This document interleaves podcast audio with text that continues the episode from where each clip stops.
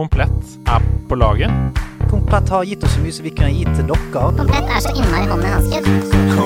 er på laget på nerdelandslaget. Trusted by geeks. Ja, ja, ja.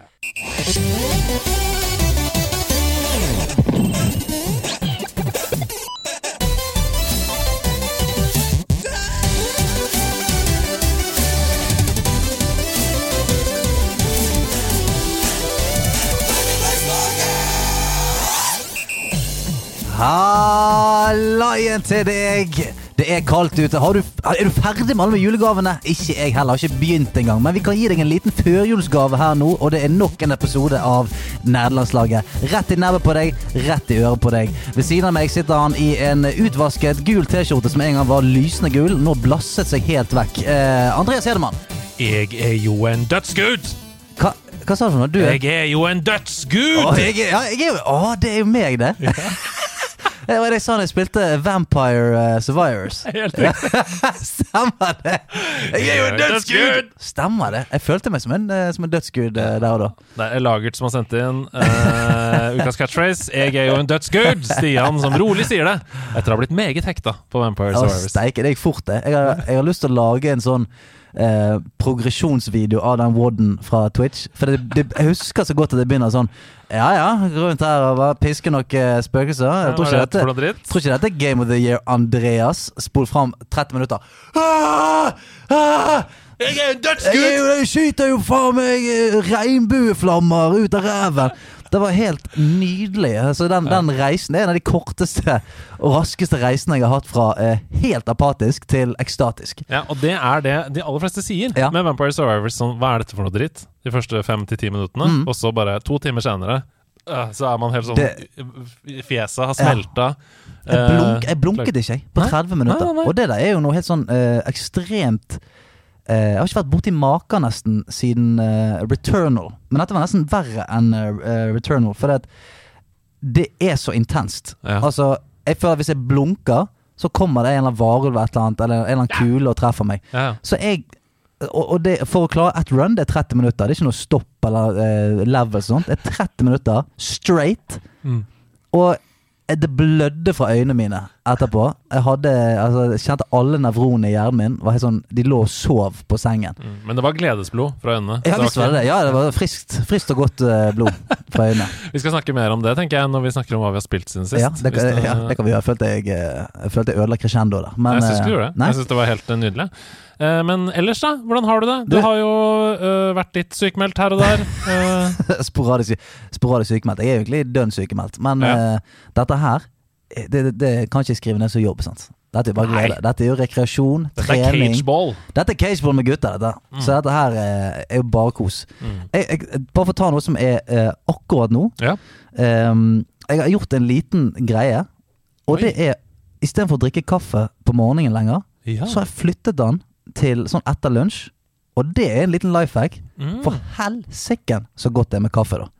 ja. Altså fordi at, at uh, Hvis du drikker om morgenen, så drikker du kanskje en når du kommer på jobben, og så en til lunsjen, og så eh, er det sånn Ja, du bare, du bare gulver kaffe. ja. Men nå når du holder ut helt sånn etter lunsj, Wow. altså Den kaffen da, han kiler. Ja, er helt ned i. Ja, altså da, da kiler kaffen i hele kroppen. Og er, de fleste sier sånn 'Jeg fungerer ikke før en kopp med kaffe'. Mm. Men tenk da, når du har fungert hele dagen, og så tar du en kaffe sånn i ett-tiden, så, Ja. så blir du bare en super, ja, superstjerne resten av dagen. Det er bare sånn Hadde jeg dette nivået også? Helsike! Folk må passe seg. Litt trist at jeg eh, Det eneste jeg kunne servere deg, var det siste som lå igjen i en Rema 1000-pose, eh, kaffepose, her på House of Nerds. Ja. Det var, eh, jeg håper det var greit Ja, men Nå skal ikke jeg være folkelig frank her, men jeg liker eh, Jeg kaller det sånn håndverkerkaffe. Mm. Altså sånn som er eh, på byggeplasser. Det er sånn kaffe jeg liker best. Ja! At det er litt asfalt, liksom. Ja, det er liksom bare Det, det er ikke noe filter. Det er bare en fyr som har liksom silt det gjennom de trælete nevene sine ned i, i en knust kopp med kaffe. Eh, det er den kaffen jeg liker best. Jeg har sånn en espressomaskin hjemme og sånt, men eh, det er ikke det samme. Så Nei. bare få kannekaffe. Ja. Få litt kannekaffe. Jeg er litt enig. Mm. Åssen ser desember ut for deg, sånn generelt? Er du Nei, ved godt eh, mot? Er fra, du... altså eh, Fra at kalenderen min ser ut som eh, et ganske intenst eh, game med Tetris, så ser det nå ut som begynnelsen av minesveiper. før, før, før du har fått opp noe. Ganske sånn Jeg, sk jeg skvetter når jeg får sånn eh, Når jeg får sånn påminnelse på, i kalenderen. Da er det sånn Oi, faen, det stemmer, jeg skal jo et eller annet i morgen. Ja. Så eh, det er ganske rolig. Eh, Men du må fortsatt flagge rundt i kalenderen, i tilfelle det ligger miner der. ligger noen miner der. Ja, ja, det ligger, det ligger noen miner. For i, når, når jeg har veldig mye å gjøre, Ja. så har jeg sånn rutine om morgenen. Så er det sånn, ok, barna frokost, og mens de spiser frokost, så sjekker jeg bare kjapt kalenderen. Sånn, Ja, ja, ja. eh, hva det skal i dag, eventuelt i morgen. Bare sånn få en liten oversikt. Men nå gjør jeg ikke det lenger. Oh, Så her en dag så sto jeg midt på Lambertsetersenteret inne på Meny der. Full handlekurv. Skulle være god far, handle for hele uken. Så får jeg en melding. Du er på vei, sant? Og så tenker jeg faen, hva, Hva er dette for noe? Hva er dette for noe da? Så går jeg inn og sier ja, du skal inn og voice i de siste episodene av det programmet du lagde før sommeren. Så da måtte jeg bare si sånn Ja, jeg er rett rundt hjørnet. Bare mure full eh, handlevogn eh, gjennom, eh, gjennom kassen der. Eh, bære en pose på hver finger opp, og bare skrense ned til det eh, studioet der. Mm. Og det er, det er ikke noe sånn bra å være svett, stresset og sliten når du skal rett inn i sånn Denne uken så skal vi Altså, Ja, du hører På denne uken så skal vi eh, til, til Jonis Josef. Så det så sånn er det. Så det var det lange svaret på det, det korte spørsmålet. Ja, det, er, det er veldig rolig. Jeg har blitt sånn uh, fyr som følger uh, nye sider på Instagram. Litt sånn orden og system og sånt. For det har jeg tid til nå. Lage sånn uh, vaskesystem hjemme. Hyllesystem. Så jeg eh, Jeg, vet du hva, Du skjønner hvor glad jeg blir for det. For jeg sendte melding til deg i går Ja. og skrev sånn Det ryddige loftet ditt ga meg ståpels på armene. Ja. Eh, tusen takk for det. Mm. Det var nydelig. Så jeg blir veldig glad for å høre det. Altså, det hørtes ut som det var noe sånn seksuell innuendo i det. Det ryddige i loftet ditt ga meg ståpels på armen. det er sånn de sier ute i Hedmarken. Ja, det er- eller, eller dypt inne i Oslo øst. Ja, ja. Så- Ryddig kjele på det. Ja. Men eh, ja, så jeg, eh, jeg er blitt en sånn fyr. Ja. Rett og slett. Koser meg. Med deg, da? Jo, det går, det går kjempefint. Jeg har det bra. Jeg, det har Du har en litt annen kalender enn meg. Ja, det har vært en intens eh, høst, Mm. eh, og det er en intens innspurt til eh, desember. Men det er jo bare gøyale ting, da. Mm. Vi skal lage masse julebord på House of Nerds. Vi skal ha opplegg og arrangementer, og vi skal lage masse julespesialer til nerdelandslaget. Det er jo bare gøye sa ting. han mens en dråpe blod kom ut av ene neseboret.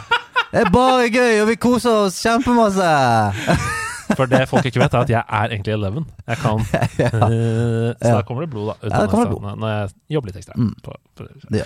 det er juletider. Ho, ho. Og komplett- Hold on. Hold on! Ja, ho, ho, hold on! Kunne vært en eh, nisseversjon av en kjærlighetssang. Jeg kunne det. Ho, ho, ho, hold on! I just wanna ho, ho, ho, ho, hold you. Ok, Komplett er fortsatt på laget. Det er de. Det er de enda, enda en måned. Ja, de henger ut. De holder ut med oss. Jeg elsker det. Mm. Men det betyr jo julegavetips, vet du. eh, I månedens gamingdel. Har du handla det du skal? Ja, ja, ja. ja. Nei. Nei. Nei, jeg har ikke. Ingenting. Det? Nei, ingenting. Er det noen, noen i familien som skal få tech-orienterte ga- gaver? Ja, mine, mine søsken skal det. Altså samtlige. Uten min en, en Altså, jeg har én eh, lillesøster som ikke er gaminginteressert. Mm. Resten av mine fire søsken er veldig interessert. Ja, nei, Da er det bare å åpne øra nå. For mm. denne uken så har vi tre veldig gode julegavetips. Der det siste kanskje er mer sånn tips som de voksne kan gå sammen om, da. Pensjonssparing. Ja, hele familien. Oppgraderer du familien din med pensjonssparing? Ja, alltid.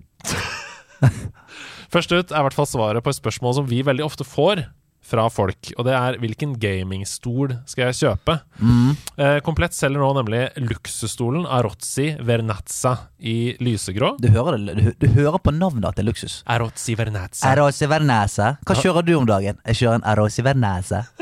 Men de det må, to setter må bli TS pizza. Natse. Ja. Vernazza. Ja. Arno, Arozzi Vernazza. Mhm. Og den kommer i da lysegrå eller lyseblå, og den koster 2590 kroner. Og det høres kanskje mye ut på papiret, men seriøst. Det, altså, dette her er en helt latterlig, latterlig digg stol. Den koster 4000 til vanlig. Eh, Den har perfekte anmeldelser, uansett hvilken nettside du går inn på. Eh, Og den er mye mer nøytral enn normale gamingstoler. Altså ser ut som en deilig stol. Det ser ikke ut som sånn Her er det LED-lys under, der og RGB inni puta. Og Du kan eh, forkle den som en kontorstol. ja, det er helt riktig. Og den var også soleklart best i test hos tech.no. Langt foran alle de andre konkurrentene. Det var til en oppgitt pris på 3600 den gangen, altså dyrest i testen. Og her er et sitat. Dette her det er testens ubestridte vinner, og en av få kandidater verdt å vurdere om du bryr deg om komfort og ergonomi.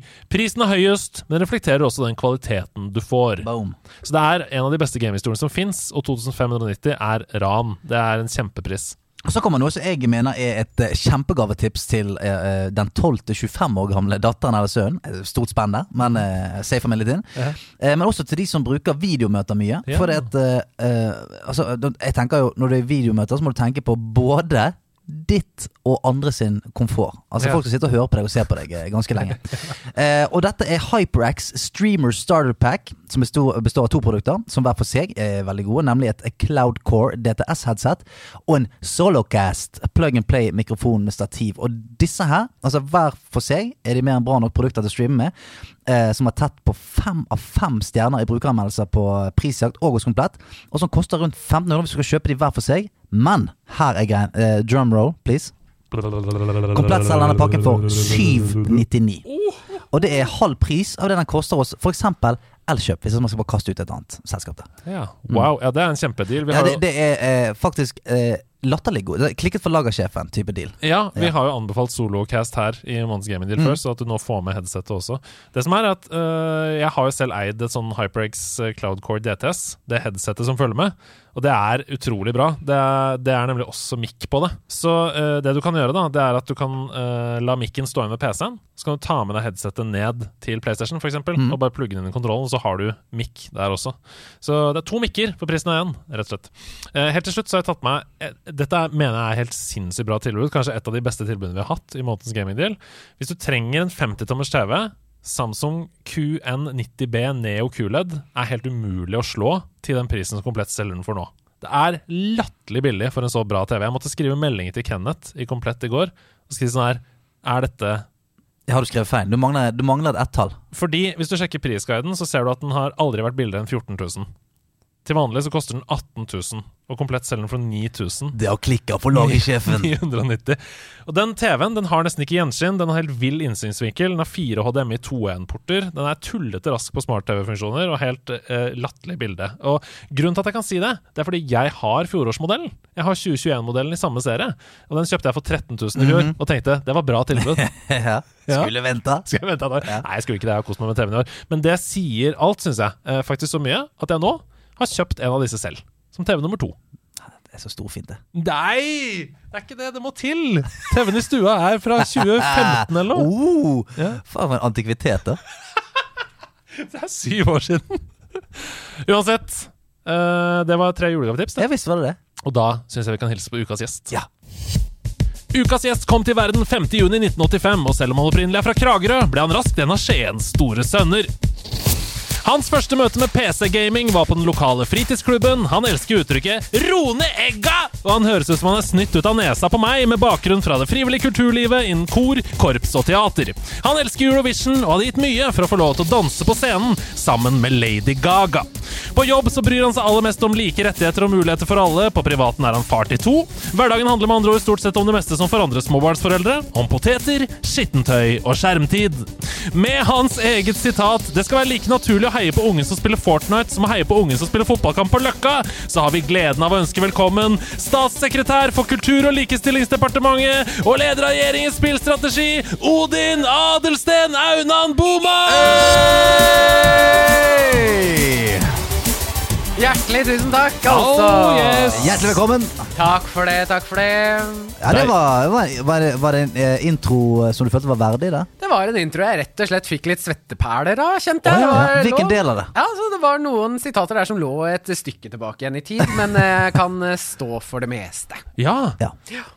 Hva er det du ikke kunne stå for? Nei, jeg bare kjente Rone liksom, Egga. Rone Egga, den på scenen med Lady Gaga. Er, er, det, er jeg fortsatt der? Tenkte jeg ja, tja, kanskje Altså, det. Jeg tenker jo sånn Vis som en person som ikke har lyst til å stå på scenen med Lady Gaga. Danse på scenen med Lady Ja, Gaga. okay, var sitatet. ja, ja, ja. ja, der er kanskje du, men eh, ja. Nei da, jeg, eh, jeg hadde ikke gått av veien for en eh, dans med Lady Gaga. Nei, ikke heller. Det. Ikke. Um, det som er, er at det siste sitatet her, det er jo meget gledelig. Det skal være like naturlig å heie på ungen som spiller Fortnite, som å heie på ungen som spiller fotballkamp på Løkka. Mm. Det er jo på en måte Hva skal jeg si? Det er, det er jo undertittelen på nederlandslaget, er det ikke det? Jo, det vil, jeg, eh, det vil jeg si. Jeg skal si at Det jeg var mest bekymret for da jeg eh, satt og researchet det litt, det var jo nettopp dette korpsgreiene. For Andreas møter veldig sjeldent eh, noen andre gjester her som har korpsbakgrunn. Så jeg, jeg, jeg var redd for at dette skulle bli sånn eh, korpsteamet. Ja. Hvor du skulle liksom endelig få møte noen som, som hadde også hatt på seg denne hatten med, med hakestropp og, og hele baken. Hvilket instrument? Bariton. Bariton, ja. Så du hadde ikke treflisproblematikken? Jeg hadde ikke treflisproblematikken, men jeg hadde bandulærproblematikken. Oh, ja! Det er nemlig en sak man binder rundt kroppen for at baritonen skal sitte fast i Ja. små barn. faen meg. Ja. Yes, så, eh, men det er et slags fellesskap i det her òg, så det kan vi ta en sånn liten traumeøkt på etterpå, hvis du ønsker. ja. Ja. Eh, En korpsøkt, det går jeg heller aldri av veien for. Så da skjønner du, da er vi i gang, da. ja, jeg skulle bare si eh, sånn, Fun fact, jeg har ikke så mye korpsbakgrunn, men jeg også spilte bariton i Oi. tre måneder. Fordi at uh, skolemusikken på Salu skole, de fikk alltid dra på sånne dritfete turer. Altså, de fikk penger til å kunne dra og møte andre korps, og det var eh, disko og full pakke. Jeg var sånn Jeg, jeg er keen på å være med på det opplegget der. Så jeg uh, sa jeg kan være med. Hva, hva trenger dere? Bariton. Denne er grei. Hva er det for noe? Blåser igjen. Og så uh, gjorde jeg det, bare for å kunne være med på det. Fikk slowdanset med noen fine jenter Ah. Lå bariton på hyllen, rett og slett. Har ikke tatt den opp siden. Så eh, er det noe Har du lagt den på hyllen? Den er lagt på hylla for noen okay. år siden. Men nå prøver jeg å leve ut gjennom barna mine, er det ikke det man prøver på? Ja. Så, eh, men eh, med å starte, å starte i korps under covid, det var rett og slett ikke oppskriften på en entusiastisk eh, tiåring i Nei. korpsbevegelsen. Nei. Så jeg tror han trenger noen flere år før han blir en Gøy å være korps og få beskjed om å ikke spytte så mye. Det er, ikke, ikke så mye blåsing og spytting. Ikke tøm instrumentet nå. Hva skal, hva skal vi gjøre her, da? Hviske inn i instrumentene? Og korps på via Teams og Zoom og sånn, med delay og Det er nydelig. Dirigenten som prøver å holde alle i takt der. Men du, eh, i nederlandslaget-sammenheng så er det sånn at vi pleier å skru tiden tilbake. Og vi pleier å si Odin, hvor var det det begynte for deg? Hva var det første spillet du spilte? Det starta eh, i Det må jo nesten være på begynnelsen av 90-tallet. I en eh, loftstue i Kragerø med gode venner og en Atari. Ja. Gode Det der. venner og en Atari. Ja. Det er en roman. Det er tittelen på boka, mitt liv i hvert fall. Gode venner og en Atari. Det blir ikke bedre enn det. Atari to hester. Ja. Oi, oi, oi, oi, oi. Jeg vet ikke hvorfor du fikk shots fired, men eh. Det var ikke noe kontrovers rundt det. Det var bare et, et, et, et subpar eh. Fark, hvis du hører på, vi trenger flere lyder til paden. Nei, men eh, altså Min relasjon til Atari var ganske kort før det deisa ned en Gameboy på julaften. Ja. Oh, den Og det var første det. Ja, og det var den, liksom, den første kjærligheten, vil jeg si. Hvor gammel Ja. var du da? Husker du det? Ja, da var jeg en ti år, tipper jeg. Men til og med da, når du er ti år, så er det denne det er sånn merkelig greie. Så jeg merker nå Jeg får sånn throwback til det nå når jeg har eh, egne kids. Mm. Den derre å gjemme seg litt vekk med sine egne ting. Mm. Hvor ekstremt eh, dyrebart det var. Mm. For jeg merker eh, min datter nå som har fått iPad og sånt. Hvis hun kan liksom, Vi har sånn lite telt nede på rommet. Og sånt. Hvis hun kan ligge inni teltet der Mm. med iPaden og det er sånn, Nå er det bare mitt, og her er mine greier. Mm. Det var det man fikk første gang med, eh, med Gameboyen. Mm. Det er ikke sånn, det er ikke på familiens TV. Eller sånn. Nå kan jeg, jeg kan snike meg under bordet Mm. og, og sitte og spille. Mm. Hadde du den feelingen der? Definitivt. Og jeg, altså, jeg har en sånn skikkelig gode eh, memory visions, liksom, når jeg tenker tilbake igjen på den Gameboyen, og, og hva den skapte, da. Jeg har jo en eldre bror også, som eh, Altså, du så jo ofte litt opp til eh, hvordan, hvordan de lagde livet. Eh, hvor Gameboy var en veldig sentral del av hans liv. Og det er klart, det å, det å finne de øyeblikka hvor man egentlig blei litt sånn kjent med seg sjøl òg, både det sosiale fellesskapet, men også det kreative, og hvordan man var som strateg, og Altså, det starta der. Det som er vittig, er at eh, nå snakker man så mye om at eh, ja, men folk spiller så mye, de går ikke ut og alt det. Altså, Gameboyen det er litt sånn blindsone for folk. For jeg husker en sommer eh, hvor vi satt inne og spilte Gameboy, og så ble vi bedt om å komme oss til helsingen ut. Så gikk vi bare ut, alle sammen med hver sin Gameboy, og satt og spilte Gameboy eh, Ja, ja. ute istedenfor. Eh, så- Inne i sånn hus på lekeplassen. Ja, ja. Sånn at det var fortsatt ikke noe sol, eller vi var Nei, nei, nei. inne. Altså, spilte Gameboy, kastet noen Draco-heads. Eh, spilt litt Gameboy. Ja, ja. Sånn Men det er, det, er, altså, det er lite som provoserer mer enn denne eh, tante Sofie-moralismen mot skjerm. Mm. Fordi at det er faktisk sånn at det er fullt mulig å få unger som er glad i å lese, og som klarer å håndtere Ja. skjerm på en Yes. klok måte. Yes, yes, yes. Eh, så det er, en, eh, det er en viktig forutsetning når vi skal diskutere både altså alle deler av regjeringas politikk, så er det, det er plass til begge deler. Å, vi kommer dit, det gleder jeg meg til. Men vi må etablere deg som gamer. Hvilket spill var det da på Gameboyen? Det var Selda. Wow, på håndholdt, ja! Yes. men det, det, var det, det var vel det samme som var på Nes, var ikke det? A Link to the Var Past, ikke var det det? La oss sjekke. Ut- usikker. husker, husker du om det hadde noe Nei, undertittel? Den tar jeg ikke, rett og Nei. Altså. um, fordi det kom jo flere Selda-spill til Gameboy. Jeg skal bare ta og sjekke kjapt. Oi, der kom Bare kjøring og jingeren en gang til. Er det Google-vignetten? Ja, det er det. Så google litt Nei, men fordi det var den grå Gameboyen. Den aller første, liksom. Det var den grå liksom. Gameboyen Ja, ja, med burgunderrøde knapper. Da var det sannsynligvis bare The Legend of Zelda Ja, det var det. Uh, som kom til, det første, til den første Gameboyen Det, er ikke så, det er ikke så veldig mange år siden jeg hørte den sangen fra uh, den uh, Fra den uh, Zelda-spillet. Og da kjente Altså, det var ekstremt med minner. Ja. uh, som liksom bare bobla i kroppen. Så det er uh, Ja, nei, det gjorde solid inntrykk. Altså, det er noe med de lydene der som er Det er litt sånn Du vet den eh, luktassosiasjonen man kan få. Denne, du kommer inn i et hus og bare Å, luk, dette lukter akkurat som sånn kompisen min eh, Når jeg var for 25 år siden.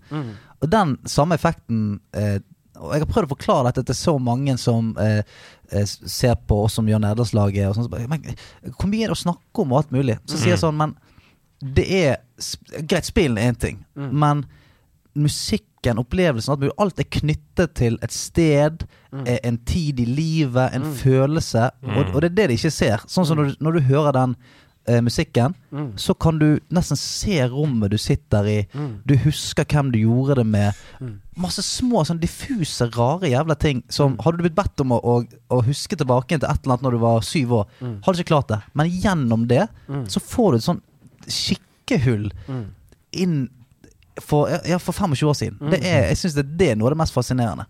Har du det med noe annet eh, i i en spill? Som du kan få den der oh, nå er jeg ti år igjen. Ja, altså Det er jo det er, eh, Man har jo utvikla seg fra liksom Zelda og, og opplagt fra Gameboy. Eh, så når jeg liksom reflekterte over historikken min knytta til gaming og spill, da, så, så var det en real walk down memory lane. Det, altså.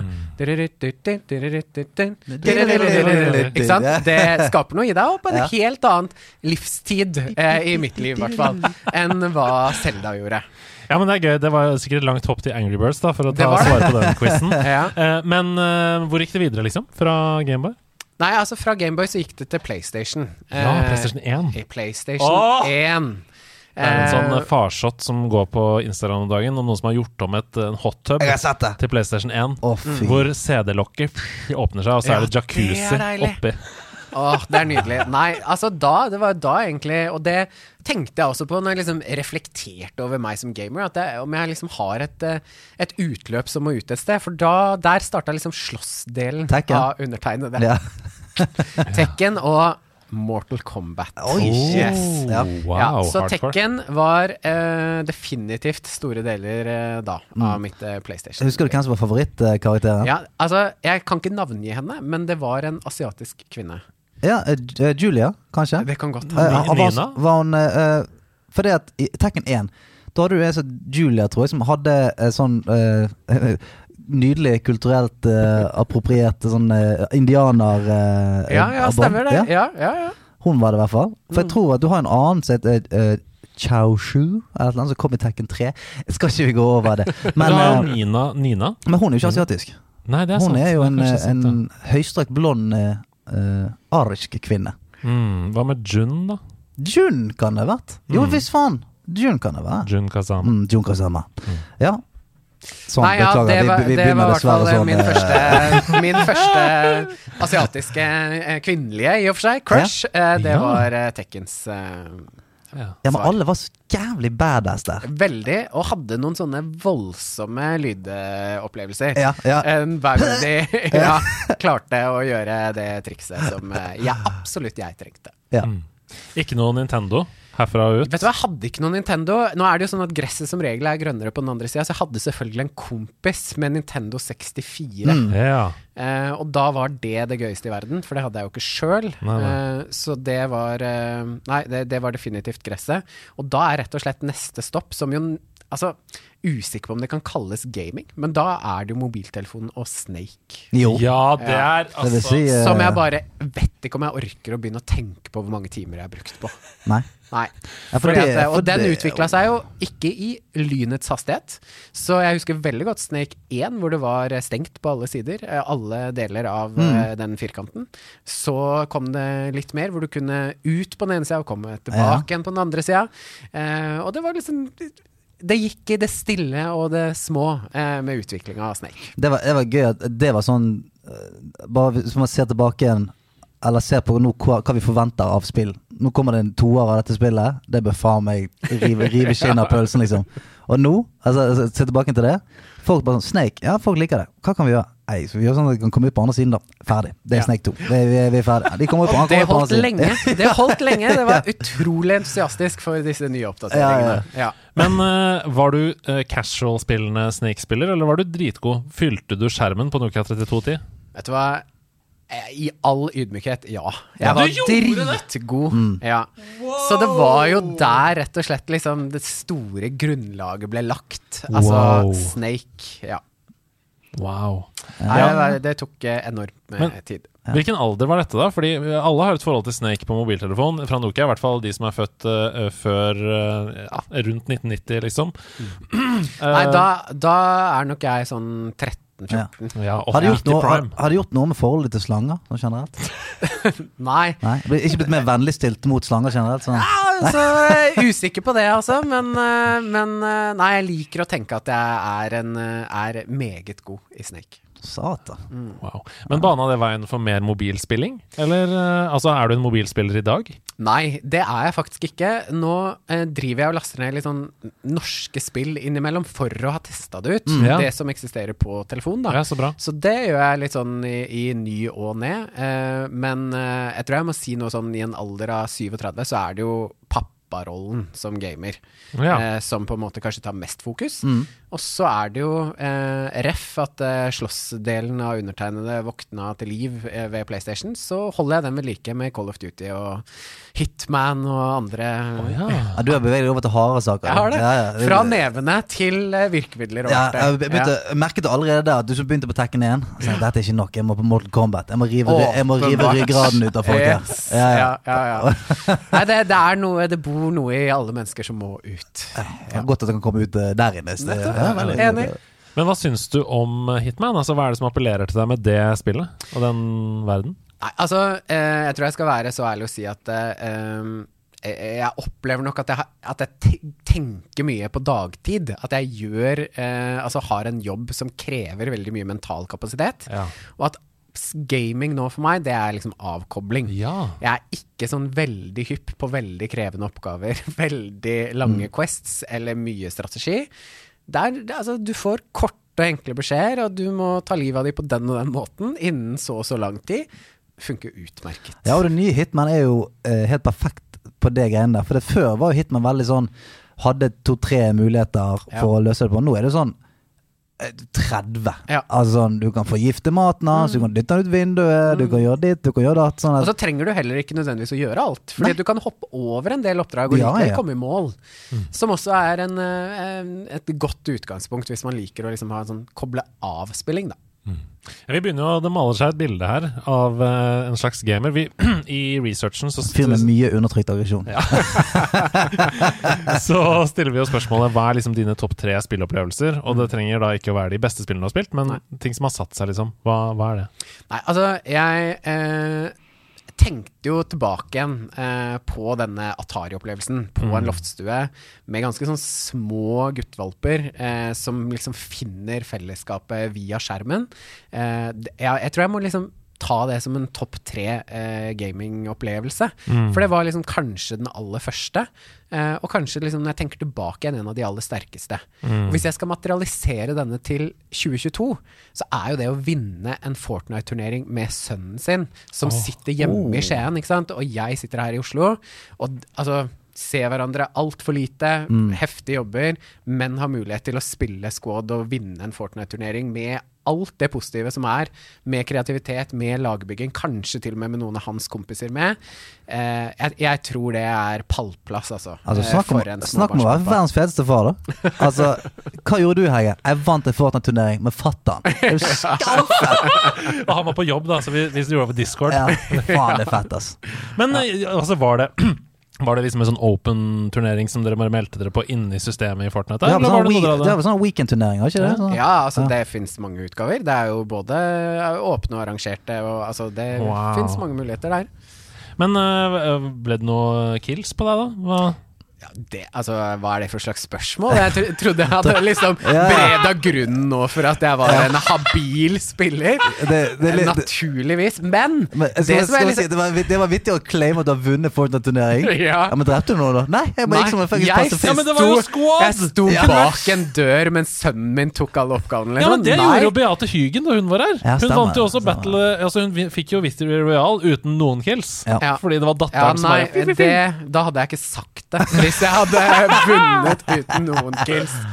Men det jeg liksom ser på komboen nå, Mm. det er jo at å ha en kid på ti år som er liksom sånn passe dumdristig, da, Mm. eh, eller liksom vågal, man kan jo liksom eh, kalle det det samme, det, det gjør seg egentlig godt med en, eh, med en far da som, som er litt mer eh, Jeg tror vi bør liksom henge litt tilbake igjen her nå. og- Altså, Ja. det er egentlig en eh, ganske sånn klok sammensetning, tror jeg, Mm.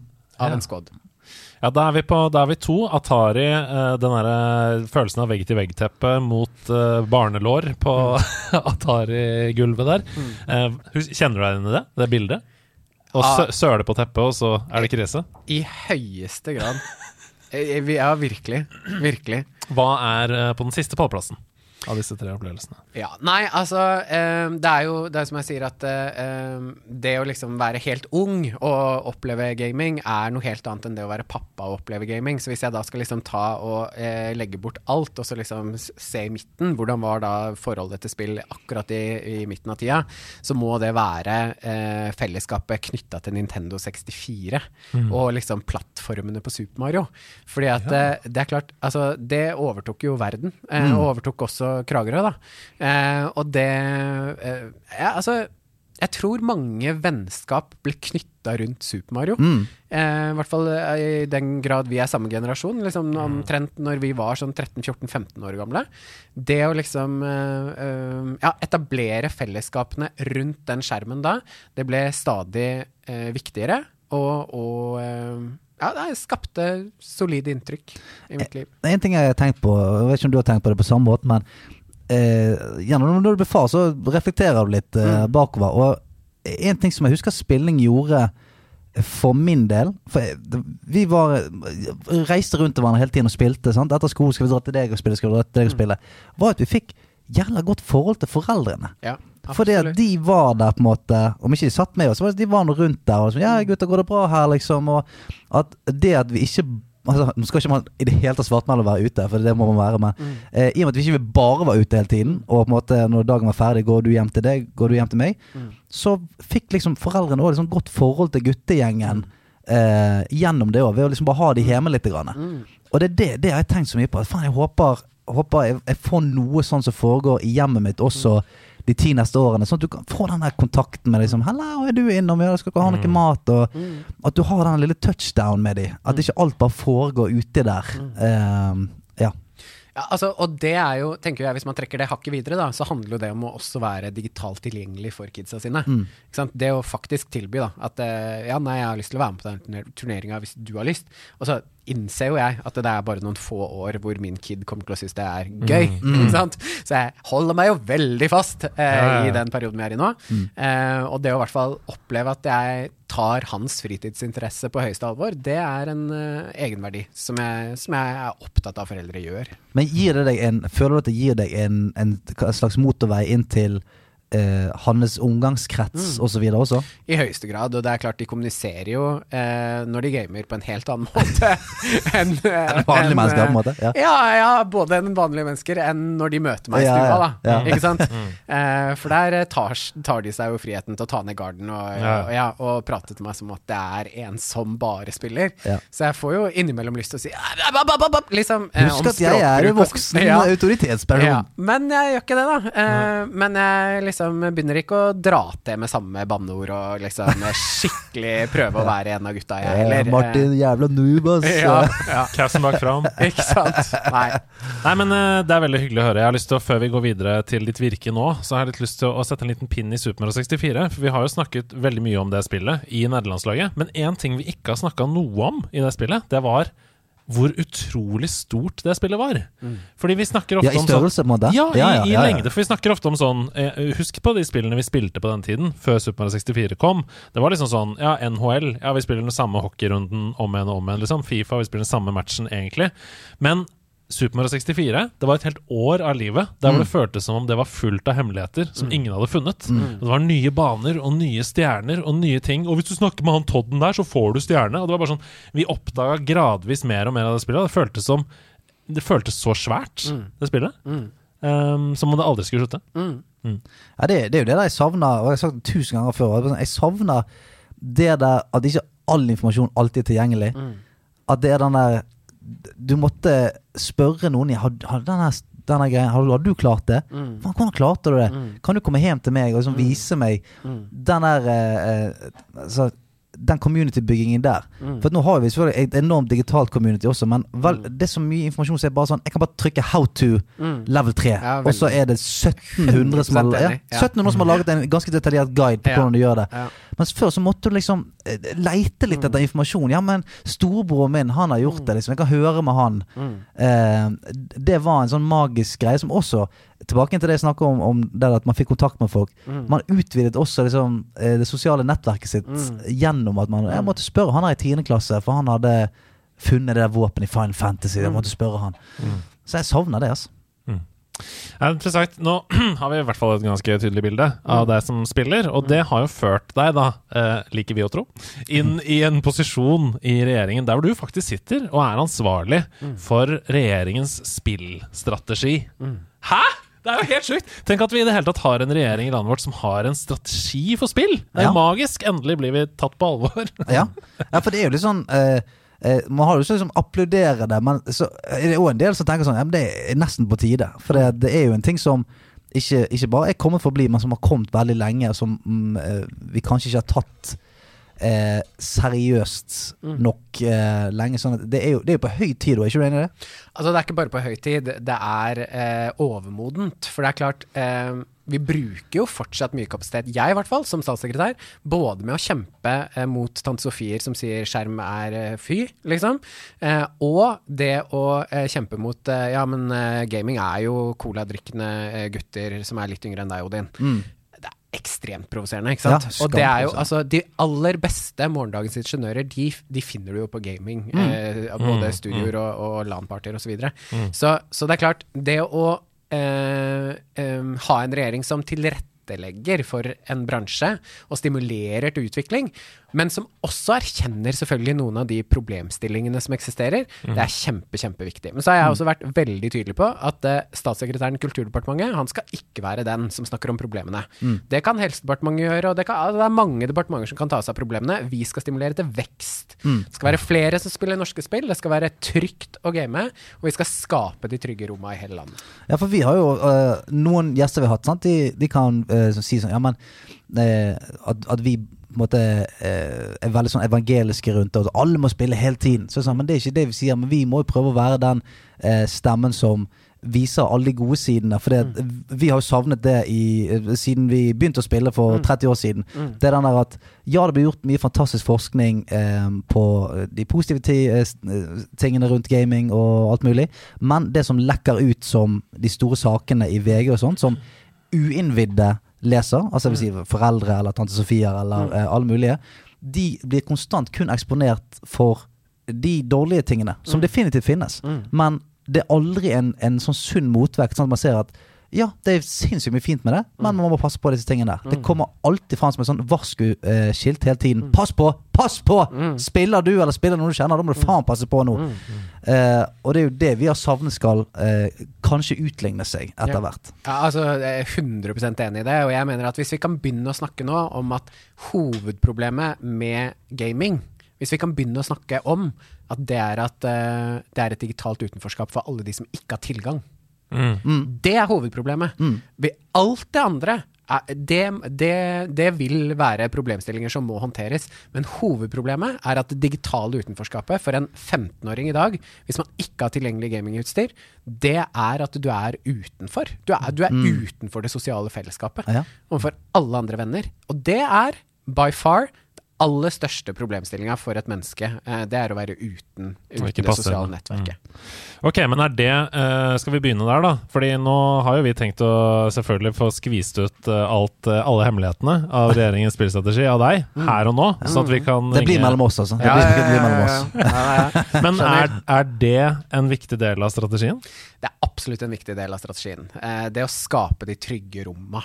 Eh, og det er jo altså, Det er jo ikke sånn at uh, regjeringa kan bære eh, gaming-PC-er til eh, alle ungdommer i landet, så vi må nødt til å sikre en sånn kulturell grunnmur av tilgjengelighet. Og det vil jo være enten skolen eller biblioteket eller fritidsklubbene eh, som sikrer at alle har anledning til å være en del av fellesskapet.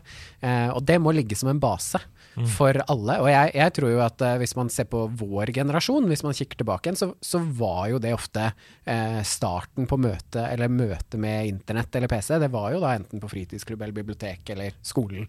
Eh, og sånn som det er i dag, så er det jo mange som har tilgang til det hjemme, langt fra alle. Og da må det offentlige ha et apparat som sikrer at alle har det. Så dette er snakk om eh, bevilgninger, da, økonomiske bevilgninger til ja. fritidsklubbutvikling f.eks.? Ja, Det kan det jo være. Der har jo regjeringa allerede gjort et løft, hvor vi har prioritert til eh, paraplyorganisasjonen Ungdom og Fritid, som skal sikre eh, gamingtilgjengelighet. Men- Idas nye arbeidsplass, vår kjære programlederkollega, hun har jo nå fått jobb i Ungdom og Fritid. Så flott. For å reise rundt i Norge og åpne fritidsklubber! Ja, det er helt nydelig. ikke verdens verste jobb, det. Nei.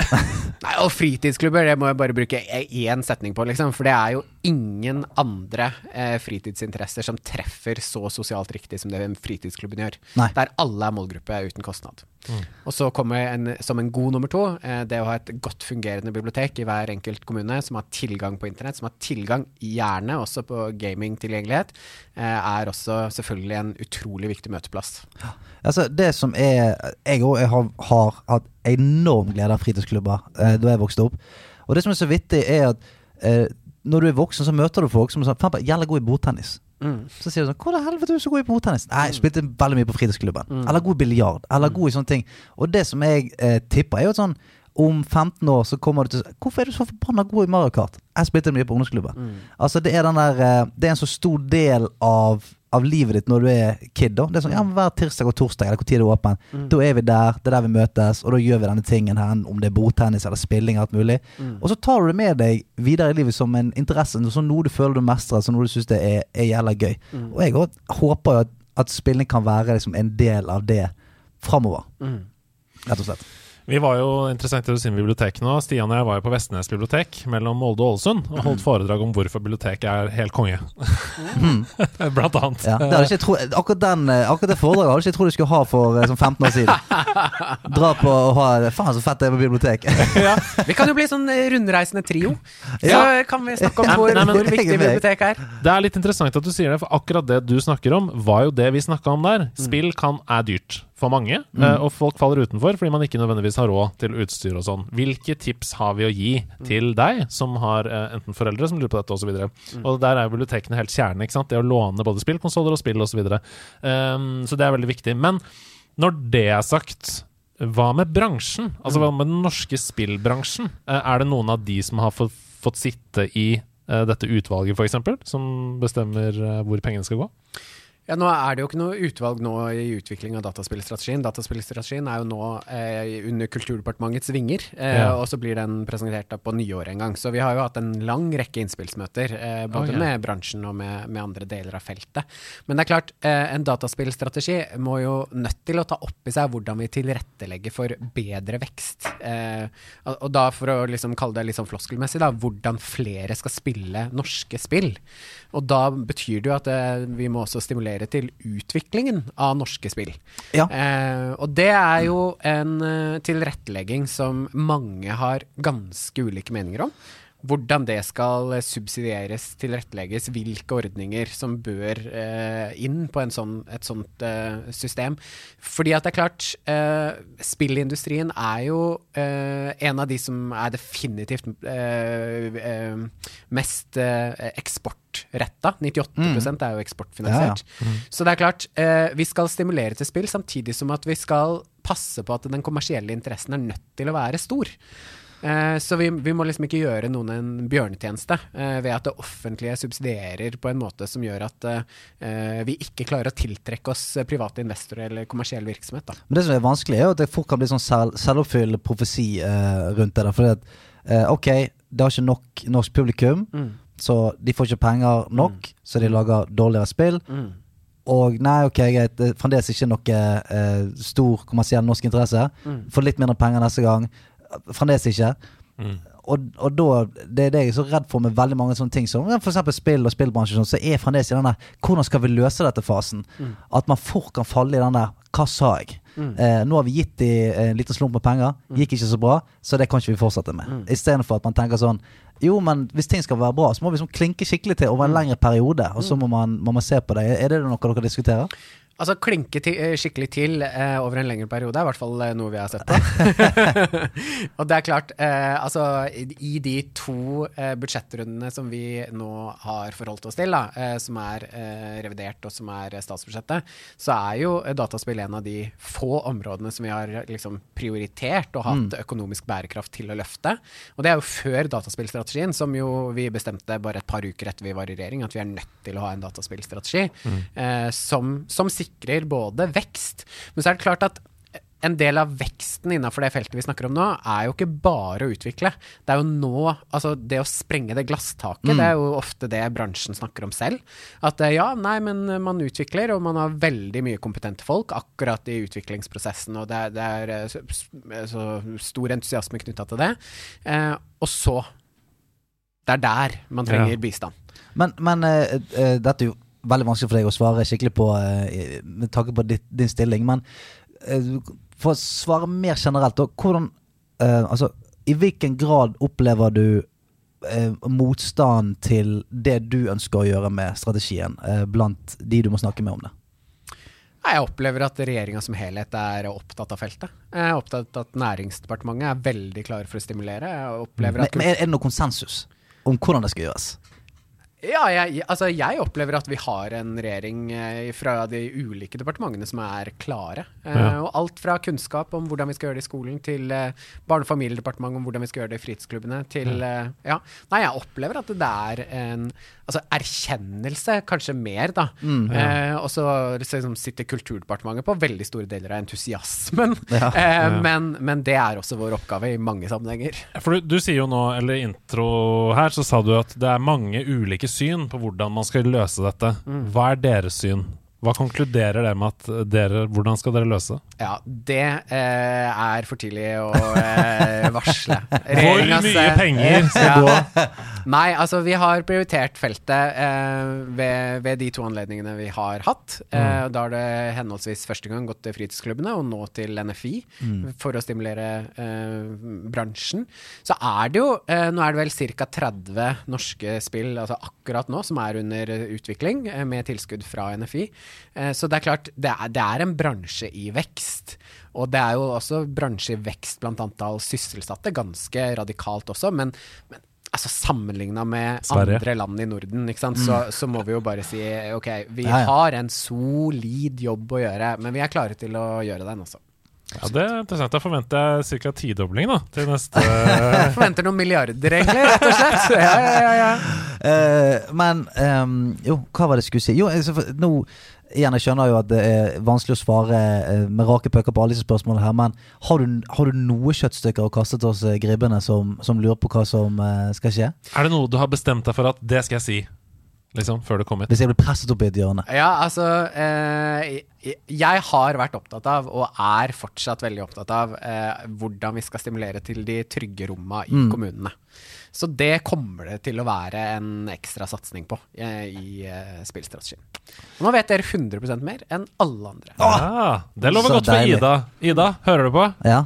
Det blir flere, flere turer. Du har trygg jobb de neste årene. Så kommer det en uh, vandrende trioen på tur om uh, hvordan biblioteket skal fungere Yes. i nettopp denne kommunen. Fy flate, bibliotektrioene. Ja, Hører dere? Alle biblioteker der ute, Watch out. ring Odin. Nei, men så gøy, da. Uh, det, jeg tror synes vi fikk noen gode svar. jeg. Hva Ja. spiller du nå om dagen, da? Hvis du skal tenke liksom, de siste månedene. Er det noe du Nei, altså uh, De siste månedene så går det jo i, som jeg sa, det er Hitman uh, når jeg er for meg selv. Jeg prøver å liksom holde det unna tiåringen så langt lar seg gjøre. Kan være lurt. Ja, prøver å forklare på en veldig sånn lettfattelig pedagogisk måte hvorfor jeg spiller det spillet. Ja, ikke sant? Eh, for det er jo ikke så lett å forstå og forklare for en tiåring at ikke han kan da gjøre det samme som pappa, når nettopp pappa inviterer inn i gamingfellesskapet. Nei. Eh, så da må jeg kompensere med Fortnite-turneringer, ja. Mm. Med han. Men Så er mest det det går. vet din eh, Altså vet din tiåring hva du driver med?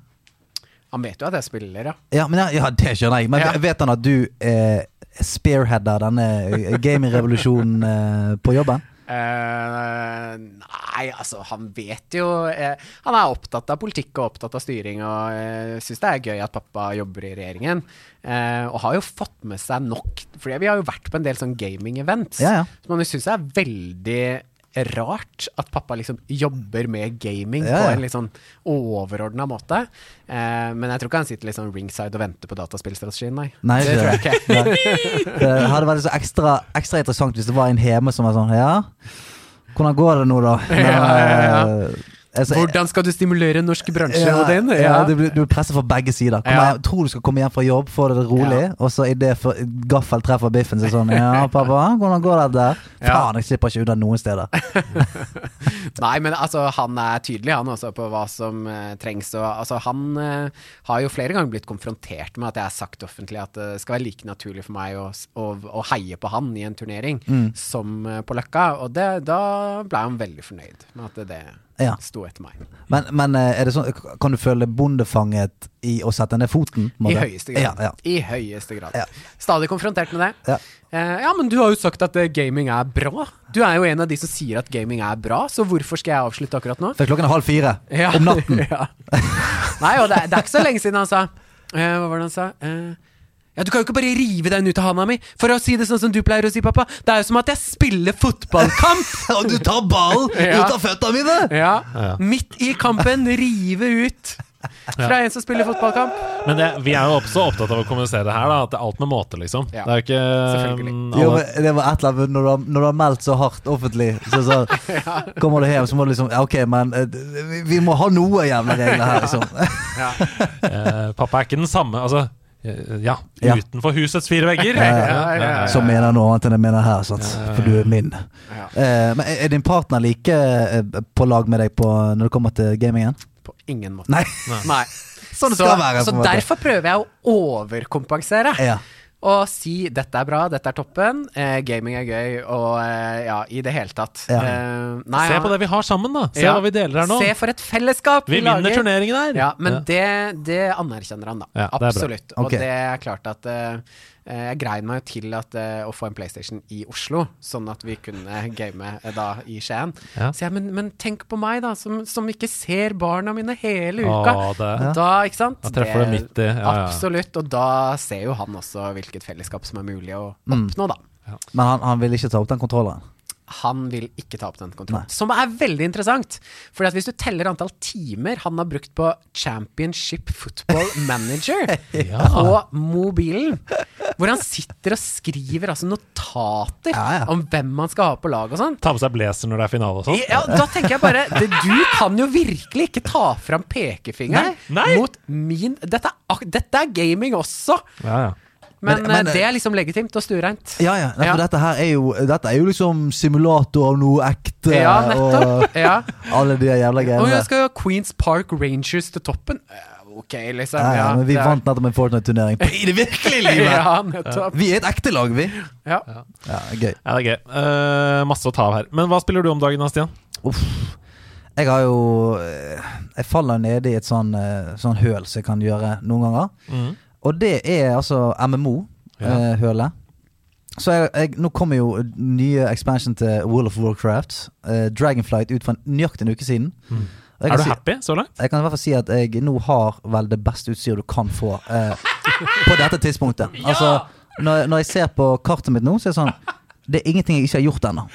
Så om, om, en, om en uke så åpner det på en måte eh, sesongen, som det heter. Da. da kan du på en måte gjøre alle dungeonsene på høyere og høyere vanskelighet på en måte helt til det stopper. bedre loot. Ja, for bedre loot og alt mulig.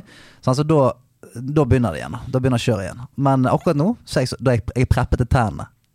Jeg er klar. Så eh, Nei, det, det, er, det er skikkelig bra. Så eh, Ja. For de som bryr seg om sånt, så er det eh, Dette altså, Spillet har jo levd i 20 år. mm. men eh, du har jo noe som heter professions. Altså Du kan velge deg å være en blacksmith eller en leatherworker alt mulig. Men det har alltid vært en sånn ting som har vært litt sånn i bakgrunnen. Du, Mm. du kan gjøre det òg.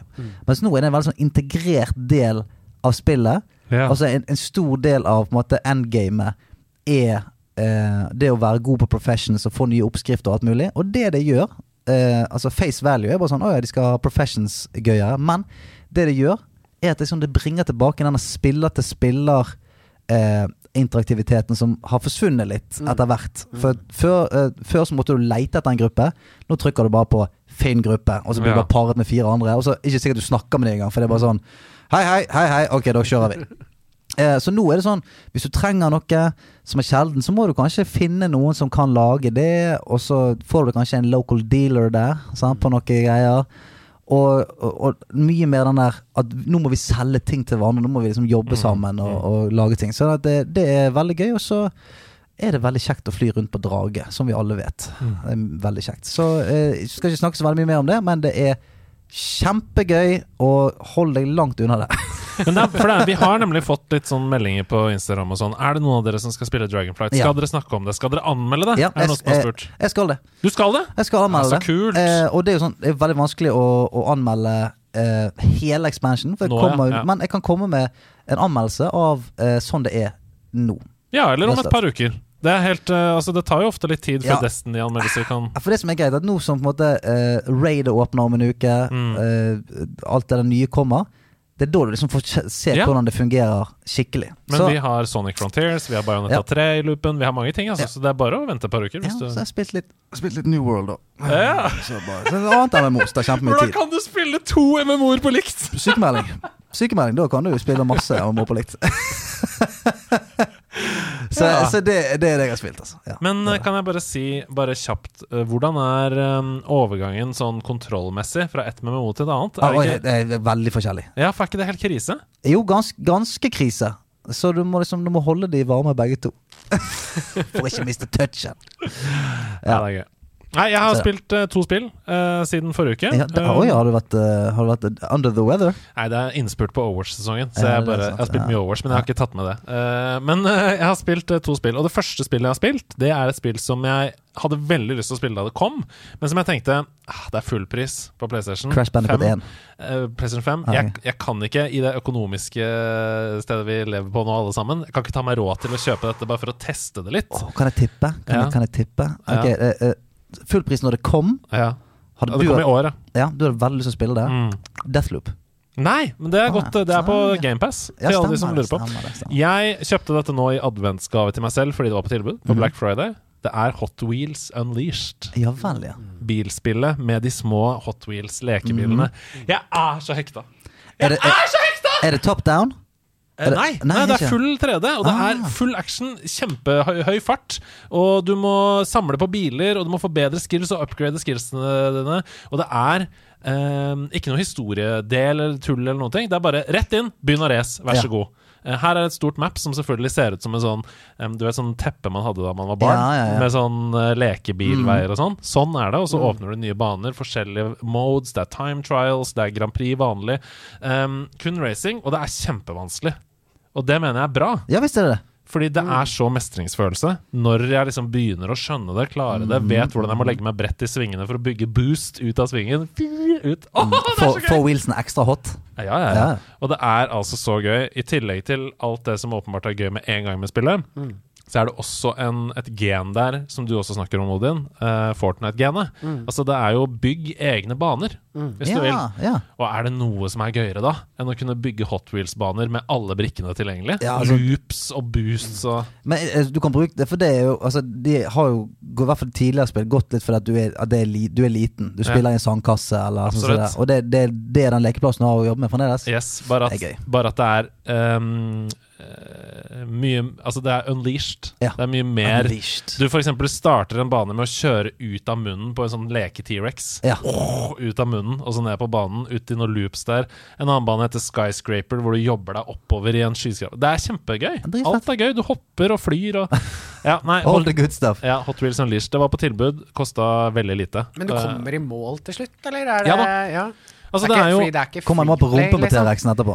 Hæ? Ja, du kommer i mål på rumpen til T-rexen ja, i ja, slutten. ja, ja. Nei, men det, det er forskjellige baner, ikke sant? Så en bane kan f.eks. slutte med at du er på toppen av skyscraperen, krysser mållinja, det blir slow motion, og du flyr ut, ut i ingenting, liksom. Kjempegøy. Eh, og så står det oppe i venstre hjørne da, sånn completion bar på hele mappet.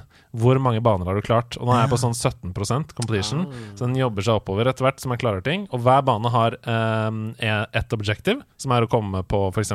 topp tre, og så et til objektiv, som er å vinne. Ja. Så da får du én eller to stjerner, sånn som Angry Birds. Du kan få tre stjerner, ikke sant? Så gjenspillbarhet. Og det er kjempegøy. Jeg har bare lyst til å spille det hele tiden. Um, det er det ene spillet. Mm. Det andre spillet jeg har spilt, er Golf Club Wasteland. Golf Club Wasteland, ja. Golf Club Spiller alltid de der hotteste spillene, De der nyeste, friskeste. Og dette spillet her, det plukka jeg opp fordi det var satt ned fra 100 kroner til 10 kroner Ja. på Switch Store. Um, og så ble jeg veldig intrigued. Noen ganger så sitter jeg i Switch Store eller PlayStation Store og ser på tilbud og sånn. Browser litt. Ja. Og så ble jeg veldig intrigued av den videoen som fulgte med. Fordi det var eh, musikk og artstilen var veldig kul og sånn. Og dette er et golfspill som ikke nødvendigvis først og fremst handler om golf. Det handler Altså, det er bare gameplay-motoren, det å spille golf. Greia er eh, jorda har gått under i en menneskeskapt eh, apokalypse, katastrofe. Eh, de aller rikeste, de rømte til Mars Og spilte golf. med Det er det klisjé. Nei, de gjorde ikke det. De rømte til Mars. Og så de aller rikeste på Mars, de bruker nå det som er igjen av jordkloden, som golfbane. Å, fy flate. Så de tar oh, romskip tilbake, og så spiller de 35 baner i ruinene av det som var æren på jorda. Det mest douchebagete jeg har hørt noensinne. Og det er det som er poenget. Ikke sant? Du spiller jo golf som puzzle, på en måte. da Altså Du skal komme deg til mål innen et visst antall slag uh, per, per brett. Men Hvis du ikke vil ha det kompetitive i det, så kan du ha uendelig antall slag. Det handler bare om å løse brettet. Hvis du ikke vil ha det uh, Men mens du spiller, så er det en radiokanal som spiller i bakgrunnen. Radio Nostalgia from Mars. Og der er det liksom historier fra mennesker som rømte til Mars. Det er forferdelig depressiv musikk innimellom. Noen ganger er det elektronisk Altså, du spiller i disse ruinene som ser ut som limbo. Ja. Det er det beste eh, bildet jeg har. Det er som en blanding av limbo og et golfspill. Eh, historien utspiller seg, den personen du spiller som, hvem er egentlig det? Hvorfor er du plutselig en rik? Hvorfor tar vedkommende plutselig av seg hjelmen på jorda, selv om man vet at det er farlig? Og så plutselig så er det et mye større spill da enn bare det lille golfspillet, liksom. Ti kroner. Ti kroner. Eh, jeg runda det på én kveld. Jeg var helt fengsla. Jeg tror det tok fire timer. eller noe sånt. Mm. Men etter at jeg spilte i 20 minutter, så var det sånn Her skal jeg til mål. Eh, og da jeg var ferdig, så fikk jeg en lang film, og jeg fikk en historie videre og sånn. Det var Nei, det var kjempebra. Ti spenn, altså. Ja, det er, det er sykt. Det er sykt. Du kommer til liksom en bygning som er sånn, eh, sånn Du vet sånn neonbokstaver på utsiden som flimrer. Og der står det Kov Fefe og sånn. Fra, det er masse sånne referanser Ja. sant, fra vår kultur eh, nå. Så ja, jeg likte det veldig, veldig godt. Kau. Kau! Men, Men hm? ja. eh, da er vi gjennom, eller? Ja, vi var gjennom alle spillene Mm. Steike. Det var en rolig, rolig uke. Men da er det bare én ting som gjenstår å spørre om før vi skal videre til del to, på en måte. Ja. Ha med, ha med dag, eh, eh. Ha med, ha med dag. Ha med ting etter ditt behag. For det er har med dag. Har du mer enn noe gøy? Noe gøy. Mer enn noe skøy? Noe skøy. Fra Stortinget, eller? Eller? Noe julebjeller? For lille, lille mm, Hva skulle du synge nå? Skulle du si For det er ha med dag. Jeg skal synge nå, jeg skal i hvert fall prøve. Vi misforsto hva vi skulle gjøre, for Odin pekte, pekte og lo. Hva har han tatt med seg inn hit? Er det noe fra Beat for beat? For det jeg har med deg. Du pekte ut av vinduet. Jeg ble jeg helt satt ut av det. Hva? Ja, jeg prøvde å distrahere deg. Det klarte jeg på en veldig god måte. Jeg bare, betyr det at jeg skal synge, eller hva betyr Nei, det? jeg tenkte bare shit, min ting ligger der ute. Ja, så bra! Da kan du få løpe ut og hente din ting nå, mens jeg eh, sier unnskyld til deg for at jeg overstyrte din to, synging. tok meg midt i, uh, midt i flowen. Hva var det du skulle synge om? Nei, det vil vi aldri få vite. Det er så bra, for du, du er sånn uh, at hvis, hvis noen uh, avbryter Da er aldri med. Aldri med. Nei, aldri. Da er jeg dødt for alltid. Men eh, Iboende bitter type. jeg tenkte på en annen ting også. Mhm. Eh, golfspill generelt. Jeg har jo fortalt før i denne podkasten at uh, Ekeberg minigolf Det, ja. dro dit sykt mye. Har du rukket å være der ennå? ja, ja. Hva, hva syns du? Det, det, det, er- det er minigolf, det. På Ekeberg. Ja, Det har jo vært VM-bane, du vet. Har, har det det? Ja, det har vært VM. Ja, men det er en veldig, veldig, veldig kul bane. Ja. Veldig, veldig kul bane. Ok, hva er det du Ti har tatt kroner. med som har med deg? Og han eh, rekker seg ned i sin Ja. høyre lomme på blazeren. Og en, en liten En mini mini-Gameboy. Hva er det for noe? Det er en mini-Gameboy. altså, på ekte funker? Nei, den funker ikke. Nei, okay, okay. Det er rett og slett en, eh, en substitute. Men en substitute som uh, brings joy and memories. For hva er det egentlig? Det er en uh, liten eske. Ja. Oi!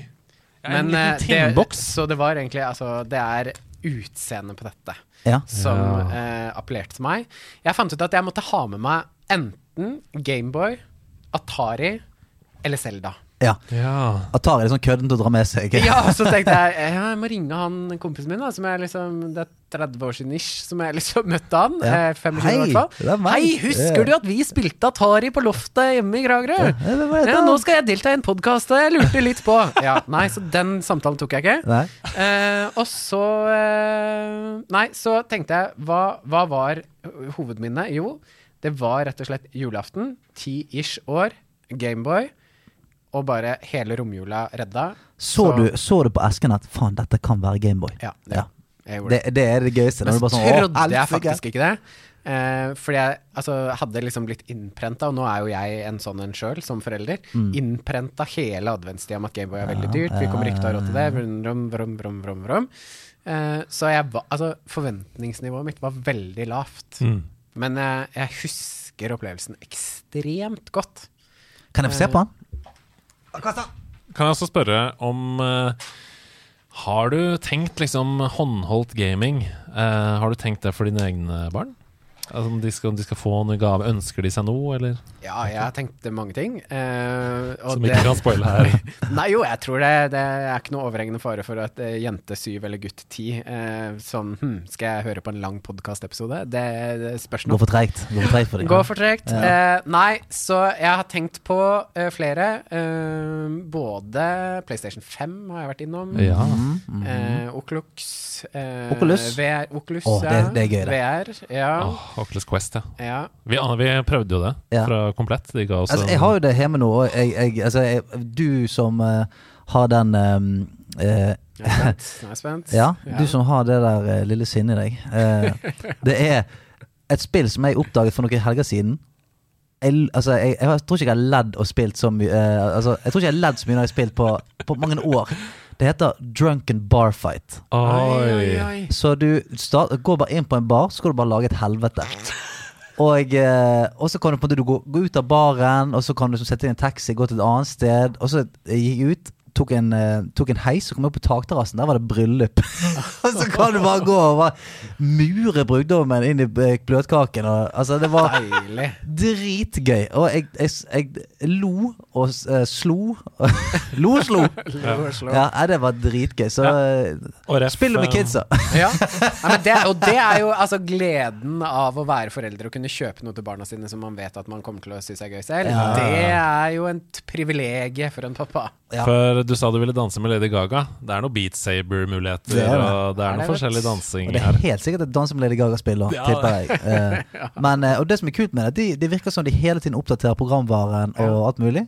For at når jeg eh, tok den på med nå, har ikke spilt på en stund, da var det helt nytt og mye mer forbedret og alt mulig. Så det, det er et godt, eh, godt tips. Uh, jeg skulle bare si at denne her jeg tenkte at jeg skulle ønske at Gameboyene var sånn nå, at de hadde et sånn lite rom inni seg. Oh, Sånn hemmelig at, rom. ja, sånn at når du sånn Jeg stikker ut, jeg. Så kunne du bare pakke med deg to skiver og en uh, kuli på vei ut der.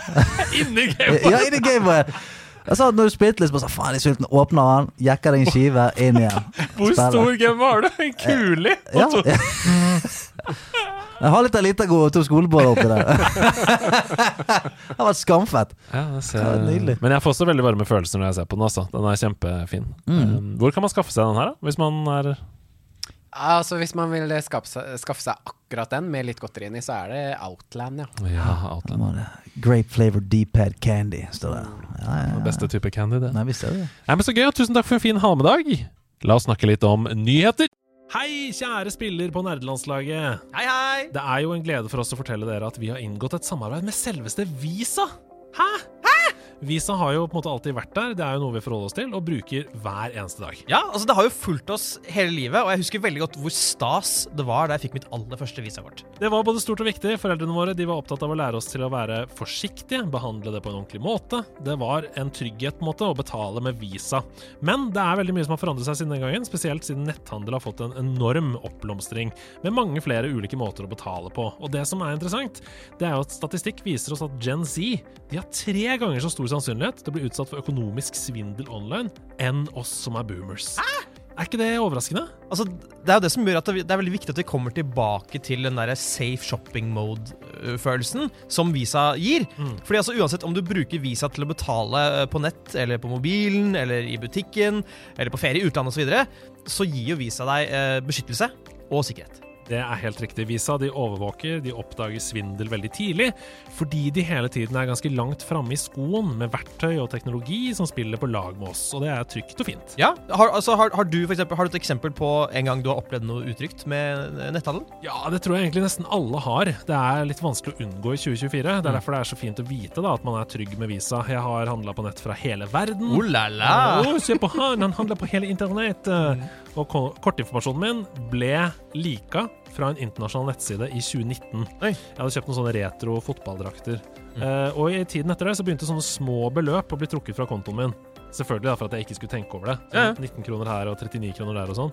Men fordi jeg hadde betalt med Visa den gangen, så var det null problem å få ordnet opp i det med banken. Jeg fikk tilbake alle pengene, kortet ble sletta, og jeg fikk nytt kort. Og Visa vil jo da veldig gjerne informere dere, altså spillerne på laget, at de oppfordrer til å bruke Visa via mobilbetaling ved fysisk handel eh, i butikk.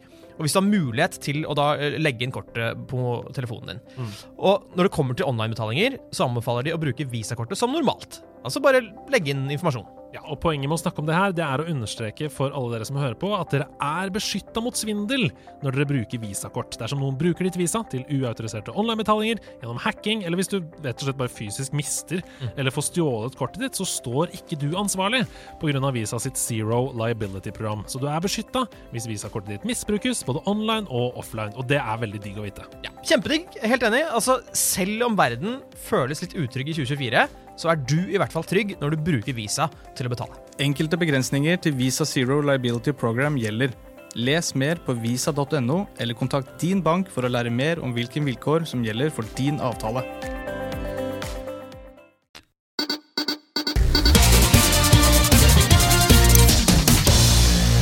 Jeg er jo en dødsgud! Mitt navn er Andreas Henman, og dette her, det er Nerdenytt. Vi må aller først rett ut av landet, for Microsoft de melder nå at selskapet kommer til å sette opp prisen på kommende Xbox Series X og S-spill. I stedet for 60 dollar så kommer prislappen til å ligge på 70 dollar i USA fra neste år. Det skriver gamer.no. Akkurat hva prisøkningen vil bety for spillfans her i Norge, det er foreløpig uklart, men at den går opp her hjemme, det kan vi nok også konkludere med allerede nå. Microsoft gjør dermed som Sony, som satte opp prisen på PlayStation 5-spill tilbake i 2020, og som Microsoft sterkt kritiserte den gangen. Får vi en tilsvarende økning i prisen på GamePass i 2023? Det er mitt spørsmål. Hva tenker du, Sten? Ja, det gjør vi. Ja, vi gjør det? 100 Allerede i 2023? Eller? Ja, det tror jeg. Ja, det tror jeg også. Det virker i hvert fall mer og mer sannsynlig, men det gjenstår fortsatt å se. De har ikke sagt noe om det ennå. Den eneste saken som er i utenriks egentlig denne uka, her, det er den sjokkerende konflikten som har oppstått mellom e-sportturneringen Smash World Tour og Nintendo. um, og det kan få store konsekvenser for all e-sport, og også for spill generelt. Altså på hele spillmediet, egentlig. Så det er litt interessant ref at du er her, eh, Odin. Uh, derfor så satte jeg meg ned tidligere i dag sammen med Erik Fossum, som er redaksjonssjef og daglig leder i Pressfire.no. Han har skrevet en lang kommentar om dette på Pressfire. Så jeg har bare lyst til å forstå alle sider av saken. Eh, tenkte vi- tenkte vi kunne høre litt på den. Ja. Hjertelig velkommen til deg, Erik Fossum fra Pressfire.no. Eh, kan ikke du bare fortelle litt om hva er det som har skjedd nå? Hvorfor har det eksplodert mellom Nintendo og Smash Community? Hvor langt bak skal vi dra det? Altså Smash har jo eksistert i, i eh, ja, 2000 år nå, føler jeg. Og så er det jo den der ultrakapitalismen som har vridd hodet sitt eh, nok en gang i spillbransjen. Mm. Eh, men hva er det som har skjedd? Jo, eh, Smash er jo et gammelt spill. Mm. Altså, og Smash eh, som spilles kompetitivt i dag, er jo Smash Melee og Smash Ultimate. Og Melee er jo fra 2001. Mm. Så det er en lang historie her, og den historien er fylt med at Nintendo ikke nødvendigvis er så glad i at det spilles turneringer i sitt spill. Mm. Eh, sitt gamle spill, vel å merke. Eh, fordi eh, det tjener de jo ikke penger på. Nei. Smash Melee har vært et e-sportspill siden sånn 2004. Mm. Altså, det har vært turneringer før det òg, men 2004 var da det ble sånn gjennombrudd. Da MLG i sin tid kjørte Smash-turneringer. Mm. Og det bet Nintendo seg merke i, og saboterte basically spillet med sitt neste, det neste i serien, Smash Brawl, med å eh, implementere noe som het tripping. Ja. Som var, eh, du har 1 sjanse på å bare ramle på ræva. Og det ødela jo alt av turneringsting, selvfølgelig, fordi det var ikke sikkerhet noe mer, og så Mm. Og det er fordi Nintendo som merkevare ikke ønsker å gå inn i competitive Ja. gaming. Det skal være familierelatert bred familie, og det skal være et partyspill, det her. ikke Ja. Det skal være for alle. Det skal Mm. ikke være for eh, de, de mest sweaty av oss eh, som, Mm. eh, som ønsker å bli gode i dataspill. Det skal rett og slett ikke kunne konkurreres i på elitenivå. da. Eh, og så har det liksom krongla godt. Eh, Brawl eh, solgt godt, så da var det liksom greit. Eh, og så hadde vi en situasjon i 2013 på EVO, altså fighting-spillens storstue i Las Vegas. Der Nintendo satte ned foten og sa at Melly får ikke være med. Dere får ikke bruke vår merkevare. Og det er litt kjedelig når 1500 stykker har meldt seg på.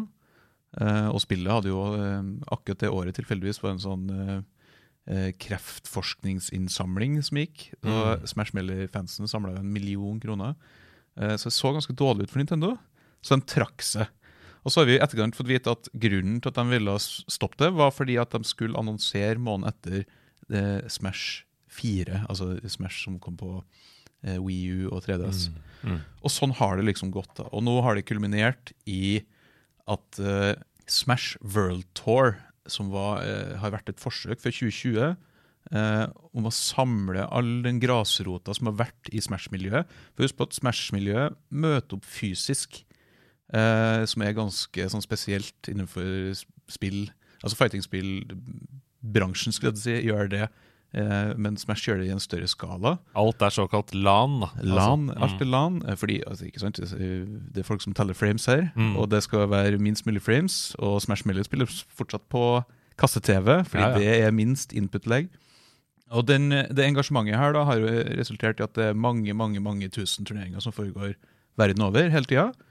Og så var Smash World Tour et forsøk på å samle, samle det. Mm. Og det her ble kjørt i 2021, eh, og kjempegodt mottatt. Eh, 2022 også kjempestort. 6400 turneringer. Eh, 325 000 folk som møtte opp on location for å spille Smash. Det er jo nødt til å være en av de største e-sportsinsentivene i, Ja. i verden. Altså initiativene, mener jeg. Sorry. Det vil, det vil jeg si. Altså Ja, så er det flere spillere av League of Legends, selvfølgelig, eh, og egentlig alle andre eh, e-sporter. Men bare det at de møter opp fysisk, ikke sant? Altså at det er, det er veldig community-basert, det er veldig grasrot. Det er Mm. egentlig sånn som vi ønsker at e-sport skal være, ikke sant? Altså Det er så trist å se League of Legends låses vekk til toppen fordi at Riot skal um, skal franchise alt. At du Mm. må kjøpe deg inn på toppen. Overwatch League, sånne ting. Så veien fra å være på en måte best i vennegjengen til å prøve seg der ute da, eh, i e-sport har vært veldig kort Ja. i Smash. Og så har nivået vært høyt. Mm. Og så har det jo vært ganske suksessfylt. Mm. Altså, eh, selv Smash Melee liksom har sendinger Altså e-sport-sendinger på Twitch med 200 000 seere og sånn, Mm. eh, som, er, som er helt suverent for et eh, 20 år Ja, det er fantastisk. Um, og så er det Smash Ultimate, som har vært en stor suksess for alle. Mm. Men det er ikke godt nok å være en stor suksess for alle. Fordi Nintendo, Daddy N, skal ha alle pengene Mm. i verden. Så det som har skjedd, er at uh, Smash World Tour plutselig kom uh, Det skulle jo være den avslutningsgreia skulle være nå i desember, Mm. og plutselig så kommer beskjeden om at det er nedlagt. Mm. Helt ut av det blå. Nintendo har satt ned foten. De får ikke lov å fortsette med den Smash World Tour. Ikke bare får de ikke fortsette, de får aldri gjøre det igjen. Ja. Og da ble det klart at Nintendo har lyst til å kjøre sin egen variant av Smash World Tour, Mm. sammen med et e-sportselskap som heter Panda Global. Fra nå av så kreves det en lisens, sier de. Dere får ikke kjøre uten en lisens. Så dere må søke for 2022 om en lisens. Det går greit at dere fortsetter i 2021. Det var en understanding der, en verbal avtale om at de skulle bare få kjøre ferdig. Men neste år, fra mars 2022, så må det være en lisens. Og hva gjør Smash World Tour? Jo, de sier jo wow, Nintendo snakker med oss. Notice me, Senpai. Eh, og er veldig fornøyd med det. Eh, og leverer en søknad i januar. Og så skjer det ingenting. Nintendo bare gjør, gjør ingenting. Mm. De svarer ikke på søknaden. Mars kommer, og Smash World Tour 2022 skal jo i gang. Eh, Nintendo er sånn ja, ja, vi skal, vi skal, vi skal, Vi skal behandle søknaden. vi skal behandle søknaden. Og igjen så, så blir det en avtale om at de skal bare få lov til å starte og kjøre i gang eh, inntil søknaden er behandla. Mm. Og det gjør de jo. Eh, og så sier Nintendo at dere må ha en egen lisens for finalespillet. Den søknaden blir levert i april.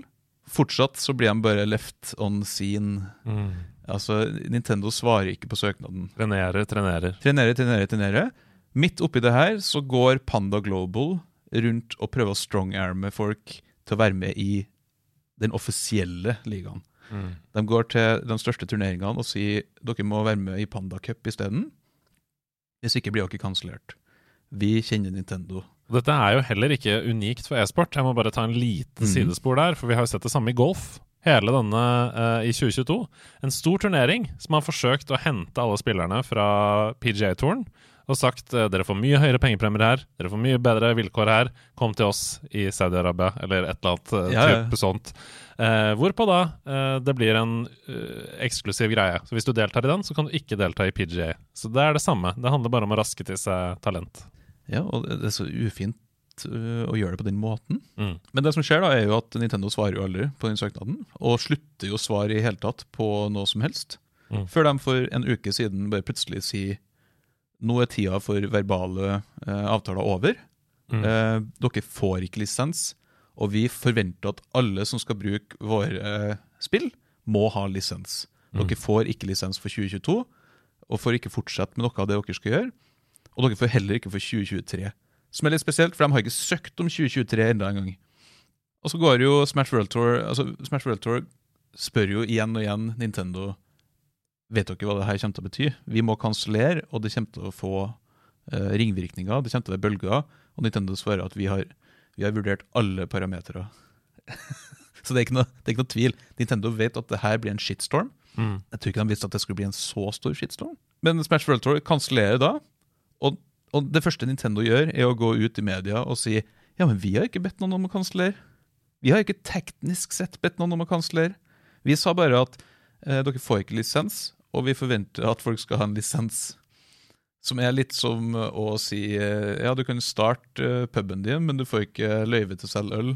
Eller du kan kjøre på vei uten førerkort. Inntil vi tar det. det. Yes. Uh, du kan kjøpe trimsettet til moped, men du får ikke lov å trimme mopeden din. Nei. Men så viser det seg at Smash World Tour De har jo det her skriftlig fra Nintendo. Mm. Og det skriftlige så står det jo svart på hvitt. Dere får ikke lov å fortsette i 2022. Det er jo løgn. Uh, eller i hvert fall en meget sminket versjon av sannheten, da. Ja. Og Nintendo uh, har jo holdt kjeft etter det. Mm. uh, men det har ikke Panda. Nei. Så de har jo gått ut og, og eh, vært kritisk til det som har blitt sagt. De sier det samme at ja, men Smash World Tour blir ikke kansellert. Og da har jo shitstorming kommet, fordi da viser det seg at det er mange eh, turneringsansvarlige som har blitt forsøkt strongarma av ledelsen i, i Panda Global. Mm. Som igjen har gjort at eh, veldig mange av spillerne til Panda, Panda har slutta. I solidaritet med Smash-miljøet. Også eh, spillere som ikke hadde noe med Smash å gjøre. Og det har egentlig bare fortsatt sånn. Eh, nesten alle har trukket seg eh, fra eh, Panda Cup. Mm. Altså finalespill i Panda Cup. Det er nesten ingen spillere som skal være med der nå. Nei. Så det har blitt utsatt på ubestemt tid. Nettopp. Så dette, altså erstatningsturneringen, som da hadde fått Mm. lisens, som skulle ta over for dette grasrotinitiativet, som hadde vokst seg til over 350 000 spillere, eh, sitter nå igjen med ingenting. Ingen kommersielle partnere, ingen spillere, ingen mulighet til å arrangere en turnering. Ja. Ergo er resultatet at vi har ingen e-sportturnering for Smash-spillere. Nei, Det eneste vi har nå, er noen fragmenterte greier. Um, samtidig så er jo ordlyden fra Nintendo at de nå forventer at alle skal ha lisens. Som betyr at de skal forhåndsgodkjenne alle turneringer fremover. Mm. Jeg vet ikke om det er det de faktisk mener, men det er jo det de har skrevet. Mm. Og det har jo implikasjoner for hele e-sporten. Ja, fordi dette er jo eh, først og fremst utrolig trist for alle som er glad i eh, e-sport eh, knytta til Smash. Men hvorfor har dette implikasjoner for e-sport generelt? Hvorfor er dette en utfordring for e-sport som, som, som ting? Det her toucher borti den største utfordringa som e-sport har. Ja. Eh, som også ble eh, lagt frem som det største utfordringa av EU ganske nylig. Eh, og det er eierskapet til e-sport. Fordi det er noen som eier sporten. Mm. Det er ingen som eier fotball. Eh, samme hvor mye Fifa har lyst til at det skal være dem som eier det. Eh, det er ingen som eier langrenn.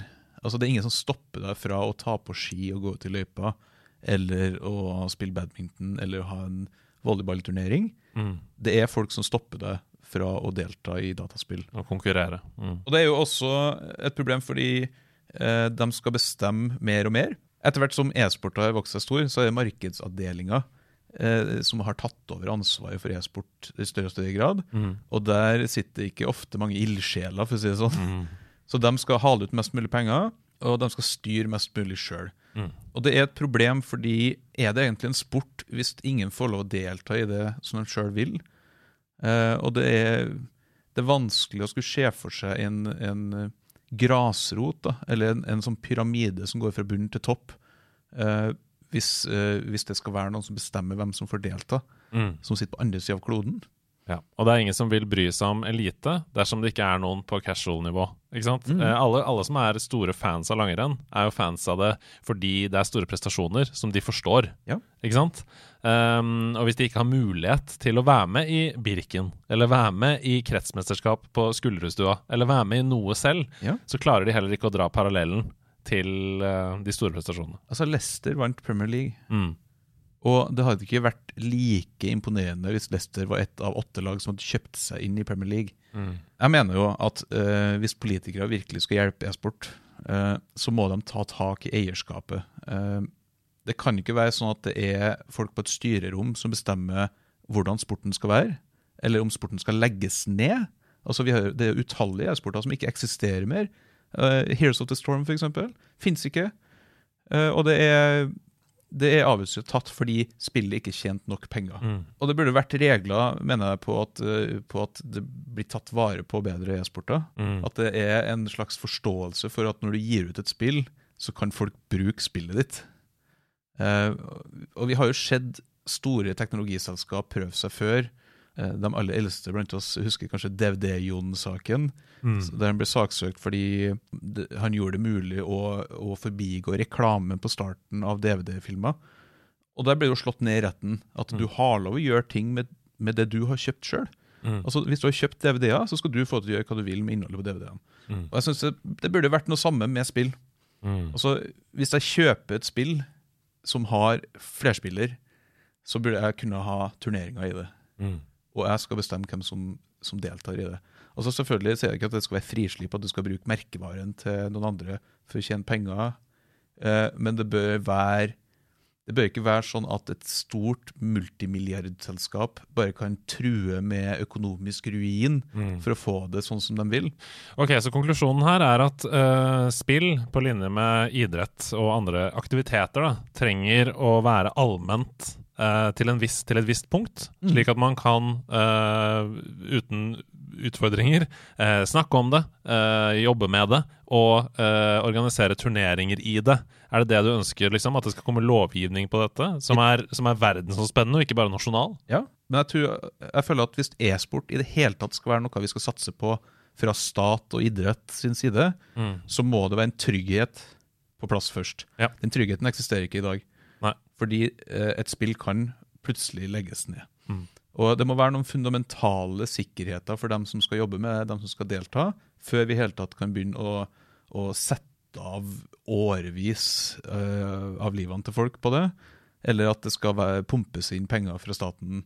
Hva skjer hvis vi har en eh, videregående linje i CSGO, og så holder vi på å utdanne folk til å bli proff i CSGO, og så legges spillet ned fordi Valve ikke tjener nok penger? Selvfølgelig katastrofe, og katastrofe for uh, enkeltmennesker som har via livet sitt til dette. Uh, dersom rørleggerbransjen ble lagt ned dagen etter at du hadde utdannet masse rørleggere, så det vært et veldig stort problem. Og Det ser vi jo, altså Det er mange som har sagt det nå i sosiale medier, at eh, jeg hadde satsa på Smash nå. Altså mm. Av den Smash World Tour så var det en, en vei fra meg fra bunn til topp, og det hadde jeg lyst til å prøve på. Mm. Og hadde rest, Det var en som hadde skrevet han hadde rest i tre kontinenter for å sanke nok poeng til å kunne bli med i den der storturneringa. Alt er bare borte nå. Et år vekk. Sånn er det, eh, og det er derfor vi også har viet en del tid i denne episoden av Nederlandslaget til å gå grundig gjennom dette og til å fortelle om det. For det handler ikke bare om Smash, det handler om e-sport, og det handler om spill som kulturuttrykk på mye større plan enn bare eh, det som i utgangspunktet ser ut som en konflikt mellom en turnering og Nintendo. Dette kan ha implikasjoner for hele mediet vårt. Derfor snakker vi mye om det. Tusen takk til deg, Erik Fossum. Og så vil jeg bare eh, tankeeksperiment til slutt. Tenk om f.eks. Sony, eh, Xbox, Nintendo hadde sagt i Norge eh, Nå er det kun nederlandslaget som får lov til å snakke om spill i Norge. I hvert fall våre spill. Her er lisens til dere. Eh, Level Up, Radcrew, Lolbua, alle andre. Dere får ikke lov lenger, for dere har ikke lisens. Jeg setter tilbake til studio, til meg sjøl. Jeg setter til- tilbake til meg selv. Sånn funker det. Ja, det er sånn det funker. Tusen takk for det, Andreas. Eh, Takk for at du satte tilbake til meg her i studio. Det er hyggelig. Vi skal selvfølgelig som alltid også snakke om noen av de største utgivelsene som kommer denne uka her, i været. Eh, Og vi tar med oss to stykker. Eh, Først ut er Choo Choo Charles. Choo-choo Charles, ja. Det er veldig Det har vi ventet på lenge. Ja, det kommer Og hold deg fast, det kommer på fredag 9. desember. Det er et skrekkspill. Med det noe absurde Ja, premisset at du jages av toget Charles. Og Charles er altså et terrortog Ja. som har sånn klovnefjes. Ja, ser veldig ut som Thomas-toget. Ja, og store edderkoppbein. Altså at det kan gå av skinnene og ta deg. Jeg får helt mareritt av å se på videoer av det. Altså, jeg, jeg, jeg bare ler jeg når Ja, jeg fordi ser det. det er det. Jeg syns det ser helt grusomt ubehagelig ut. Ja. Men at det kanskje er veldig gøy med venner. Ja, Og helt marerittfremkallende alene. ja, ja. Kommer alle til å kunne ta flytoget igjen. Nei, men Har du sett på noen av videoene? Ja, det, det, men jeg, klar, det jeg ligger på akkurat grensen mellom skummelt og, og, og eh, latterverdig. Ja. Nei, jeg synes det Har du noe sånn klovneproblematikk? Ja, altså, jeg har problematikk med det meste som er skummelt. Ja, så jeg kjente at det var ikke noe som appellerte til meg, for å si det sånn. Et gammelt, er damp, gammelt damptog som kommer og tar deg. Stille og rolig tekken, tenker jeg. Det er eh, Ikke noe gammelt damptog. Det er terror med edderkoppbein og Ja, ja, ja. grusomt. Det, har du sett de gamle togene, eller? det, det er Dritskummelt. Det kommer i hvert fall på absolutt alle plattformer. Hvis du har noe Altså, det kommer på Linux. Det kommer på alle plattformer. Så tar vi med oss ukas høydepunkt for mange, som jeg tror kanskje kan være bra for deg òg. Det er nemlig et helt eh, nytt eventyr i Dragon Quest-universet. Oi, Ja. er det det, Ja, ja, ja, ja, ja. Ja seg unna meg. Ja, det treffer oss på fredag 9. desember. Det er Square Enix sitt Dragon Quest Treasures. Ja. som kommer til, til Nintendo Switch. Det ser ut som tradisjonell deilig Dragon Questing med noen twister. Både grafisk og gameplay-messig, for det henter elementer fra Pokémon, nemlig. Ja vel, ja. Det ser litt ut som Breath of the Wild møter Pokémon Sword Shield. Rent sånn visuelt. Spennende. Litt sånn annen stil der, men masse av de samme RPG-elementene og turn-based og uh, sånn i Dragon Quest-land. Og som i Pokémon. Er du, er du hypa på, på Dragon Quest? Eh, altså, jeg er alltid litt sånn eh, Jeg er jo veldig glad i Dragon Quest. mm. Og med en gang du skal liksom begynne å fucke med, med oppsettet, da blir jeg med en gang sånn gammel og gretten. Mm. Det er sånn eh, Ja, men jeg vil ikke ha noe twister. Jeg vil ikke ha noe sånn Ja, men nå skal vi spille Dragon Quest, men nå kan du fange Pokémon, og, og, det, og det er sånn Candy Crush-shit i midten. Men nei, jeg vil ikke ha det. Jeg vil bare mer, mer Dragon Quest. Jeg er jo en dødsgud! Det er du. Mitt navn er Andreas Hedman, og dette her, det var Nerdenytt.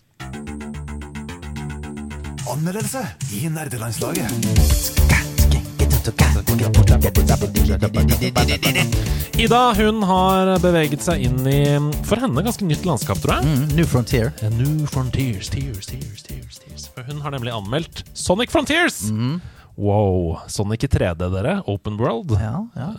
Har, du, har du hatt lyst til å spille? Nei. Hvorfor ikke det? Nei, jeg, jeg, har ikke, jeg har ikke, ikke at jeg ikke har lyst til å spille det. Men eh, i, i rekken av mange spillere som spiller, Ja, jeg skjønner. så har ikke den eh, det, det har ikke vært sånn Åh, det må jeg spille. Men eh, Det er foreløpig fordi han har for små barn. Det er egentlig det. Fordi eh, altså om et par år så har du lyst. Jeg For gleder- der kommer eh, jenta på sju, vet du, for stormende inn. Ja, fordi det er Gleder meg. Jeg gleder Der i husholdningen din er det full rulle. Sonic er eh, i høyeste grad i full rulle, og da er det Wow. ikke gutta krutt på ti og Fortnite og sånn. Det er jente syv Åh, som eh, det er digger. Ja. det er Ja, det blir spennende. Det blir spennende å høre hva Ida syns om Sonic Frontiers. Jente 30 pluss. Ja, det får vi høre her nå.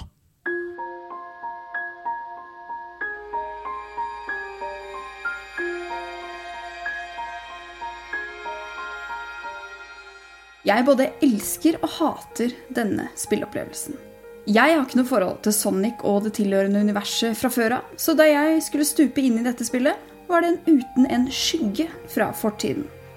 Åpent sinn til disposisjon, Sonic. Her kommer jeg.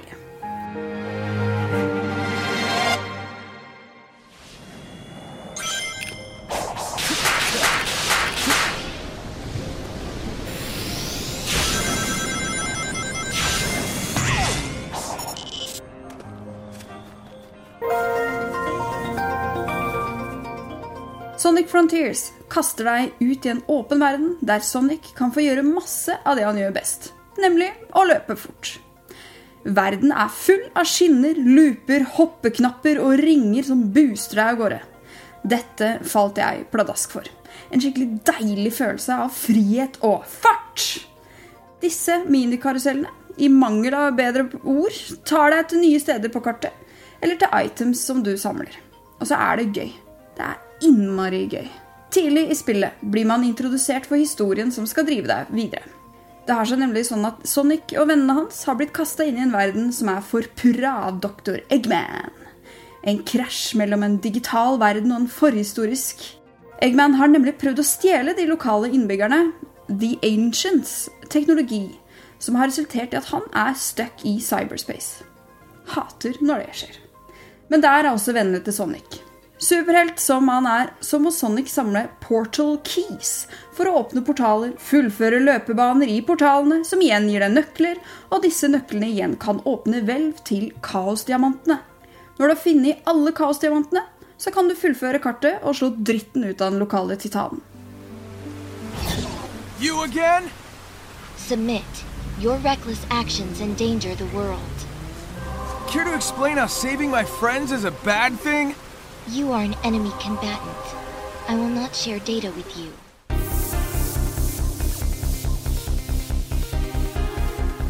Jeg er jo kanskje uttalt kjent for å elske puzzles. Og Sonic Frontiers de vet å by på dem. For å åpne deler av kartet må man løse små oppgaver eller puzzles. Når man har åpna alle delene av kartet, så kan man også bruke fast travel mellom portalene. Fast travel kan også låses opp mellom Cocos. Cocos er da eldre, vise karakterer som kan oppgradere evnene dine. Du må bare samle noe andre typer små, runde kuler. Dette låser du opp ved å fiske litt. Ja, for ethvert spill med respekt for seg sjøl har jo en fiskefunksjon. Som sagt så er det flere sider ved dette spillet som jeg virkelig liker. Sonic Frontiers ga meg ved første øyeblikk noe av den samme følelsen som jeg fikk da jeg spilte Breath of the Wild for første gang. Men som tidligere avslørt, så har jeg også hata denne spilleopplevelsen. Jeg har jo prøvd å gjenfortelle hva som er main story i dette spillet tidligere i denne anmeldelsen, men kanskje vært noe vag. Og det er det en grunn til. For den historien som spillet hviler på, gjør meg egentlig aldri helt engasjert. Og jeg synes det helt ærlig ikke er så veldig spennende. Der Zelda-universet på sin side har mer spennende karakterer, en masse spennende myter, historier, steder, små detaljer her og der, så blir det her bare litt platt for min del. Det blir litt grått. Det er kanskje en veldig god historie der, men jeg har i hvert fall ikke fått den helt med meg. Det andre aspektet ved Sonic Frontiers som virkelig feiler for meg, er hvordan spillet hviler på de samme mekanikkene uten å gjøre store endringer. Fra start til slutt. Det er gøy å skli rundt og samle tokens, komme meg til nye steder og løse små puzzles. De første 16 timene. Så blir det egentlig bare utrolig kjedelig og kjempefrustrerende. Spillet klarer heller ikke å loade omgivelsene, som er et lite stykke unna. Noe som gjør det litt vanskelig å få oversikt over hvor du skal komme deg Altså når du skal fra A til B. Hva, hvordan kommer du deg dit? I og med at Sonic er best når han løper fort, så hadde dette vært veldig kjekt. Og de puzzles jeg nevnte, har du gjort ti av dem, så har du gjort dem alle. Det er mye likt.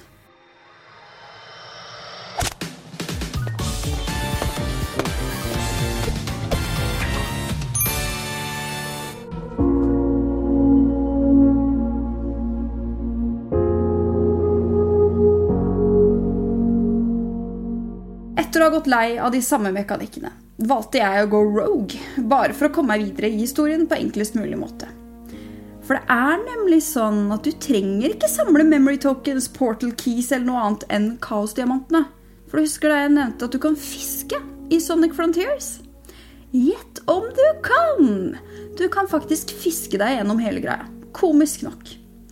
Fangsten på kroken den gir deg tokens automatisk, og de igjen kan du bytte inn i memory tokens, portal gears, portal keys, skill points, sånne små cocos Du kan få altså, alt du trenger, sett bortsett fra kaosdiamantene.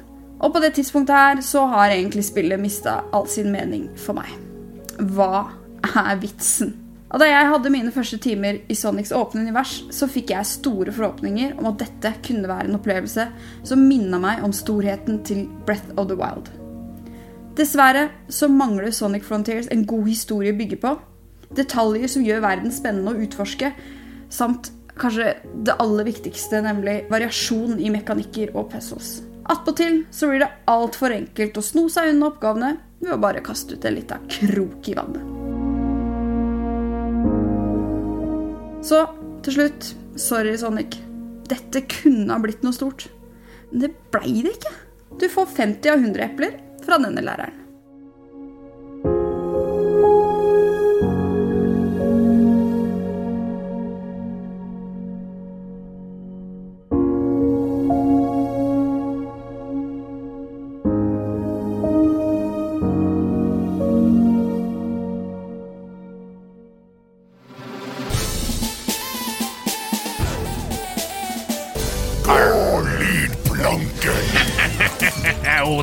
Odin Boman, dette visste du ikke! Dette så du ikke komme! For nå er du nemlig på min piratskute! Hva skal han gjøre, Stian? Nei, nei, du ble vario på et tidspunkt der. på pirat! Dette her er altså en, en, en lydkonkurranse. Vi får eh, presentert lyd, og så er det rett og slett om å være første til å tippe hvilket spill det er fra. Den som taper, må ta et, ta et steg eh, ut på planke. Og etter, eh, etter en stund så må vi se hvem som skal hoppe i, eh, hoppe i havet.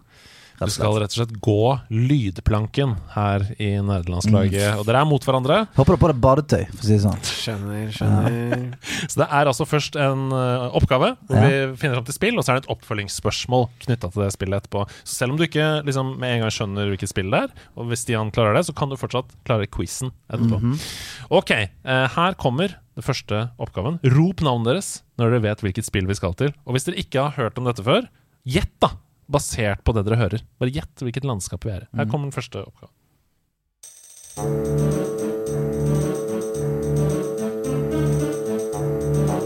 Stian. Aladdin. Nei da.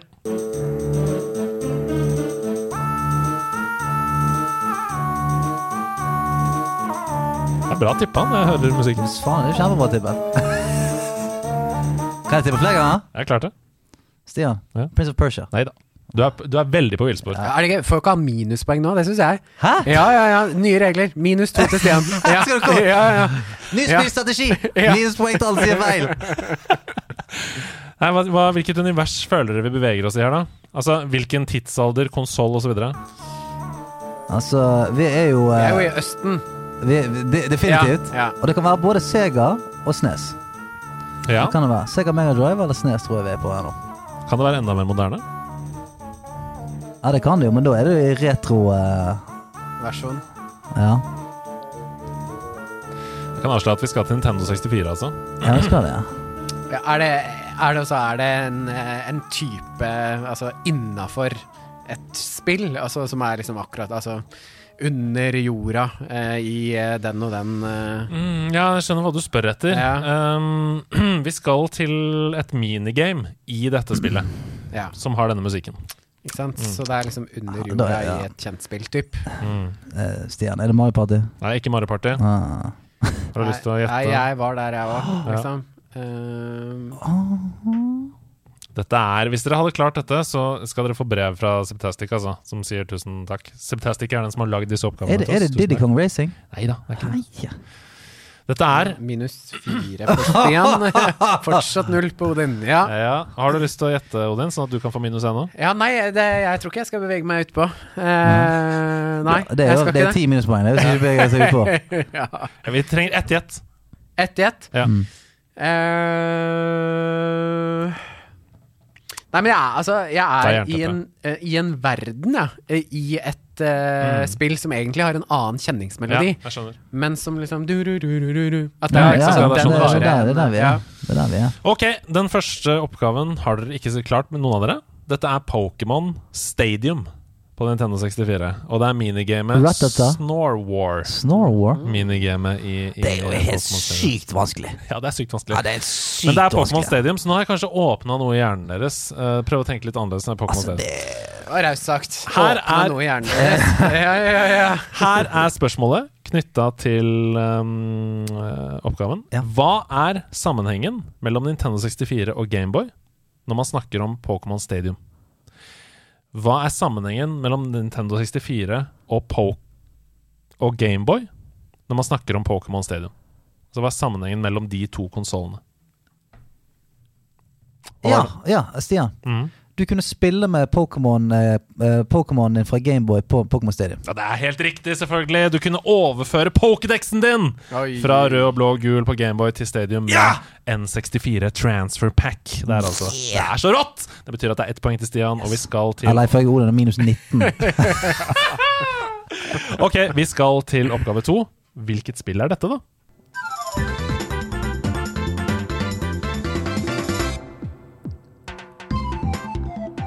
Stian, jeg tar Diddy Kong Racing igjen, jeg. Nei da. Hæ, Kødder du med meg? Åh, Det er et sånn slitsomt plattformspill, tror jeg.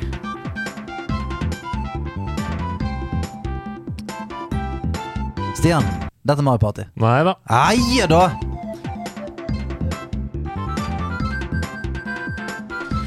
Det er noen i chatten som har klart det her. Det er øhm, gode minner for noen. Stian. Ja. Er det apekatt som er uh, hovedkarakteren? Oi, øh, nei, det er det ikke. Det er du som er hovedkarakteren. Karakteren, karakteren, karakteren. Å, det er du som er hovedkarakteren? Det er du, du, du. du. Å ja, det er We. We Nei. Fit. Nei. Vi skal fortsatt til Nintendo 64. Um, mm. Og det er du, du, du som er hovedkarakteren? Hæ? Ja. Så det er ikke, ikke Pikmin eller Nei.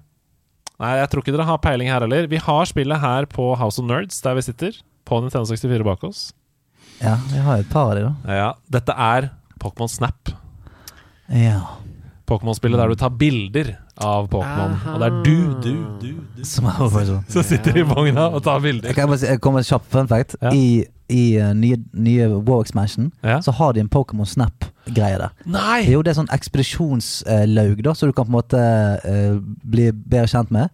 Og etter hvert så får du sånn Quest, du skal nedover på en raft og ta bilder av eh, dyr og sånt. Så fjellklatre og alt mulig. Bare med det. Kjempegøy. Ja, det er gøy. Ok, Her kommer oppfølgingsspørsmålet. Og her har dere mulighet til å klare riktig, begge to. For her handler det om å resonnere og gjette. Okay.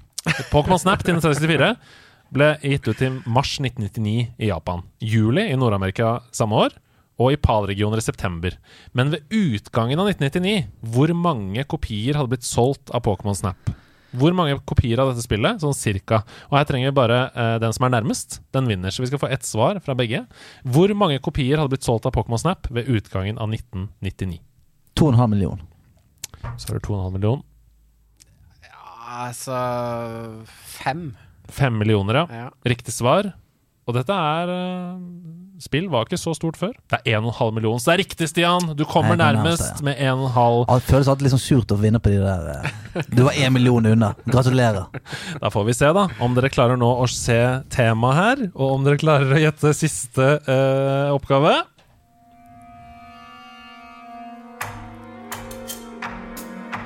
Den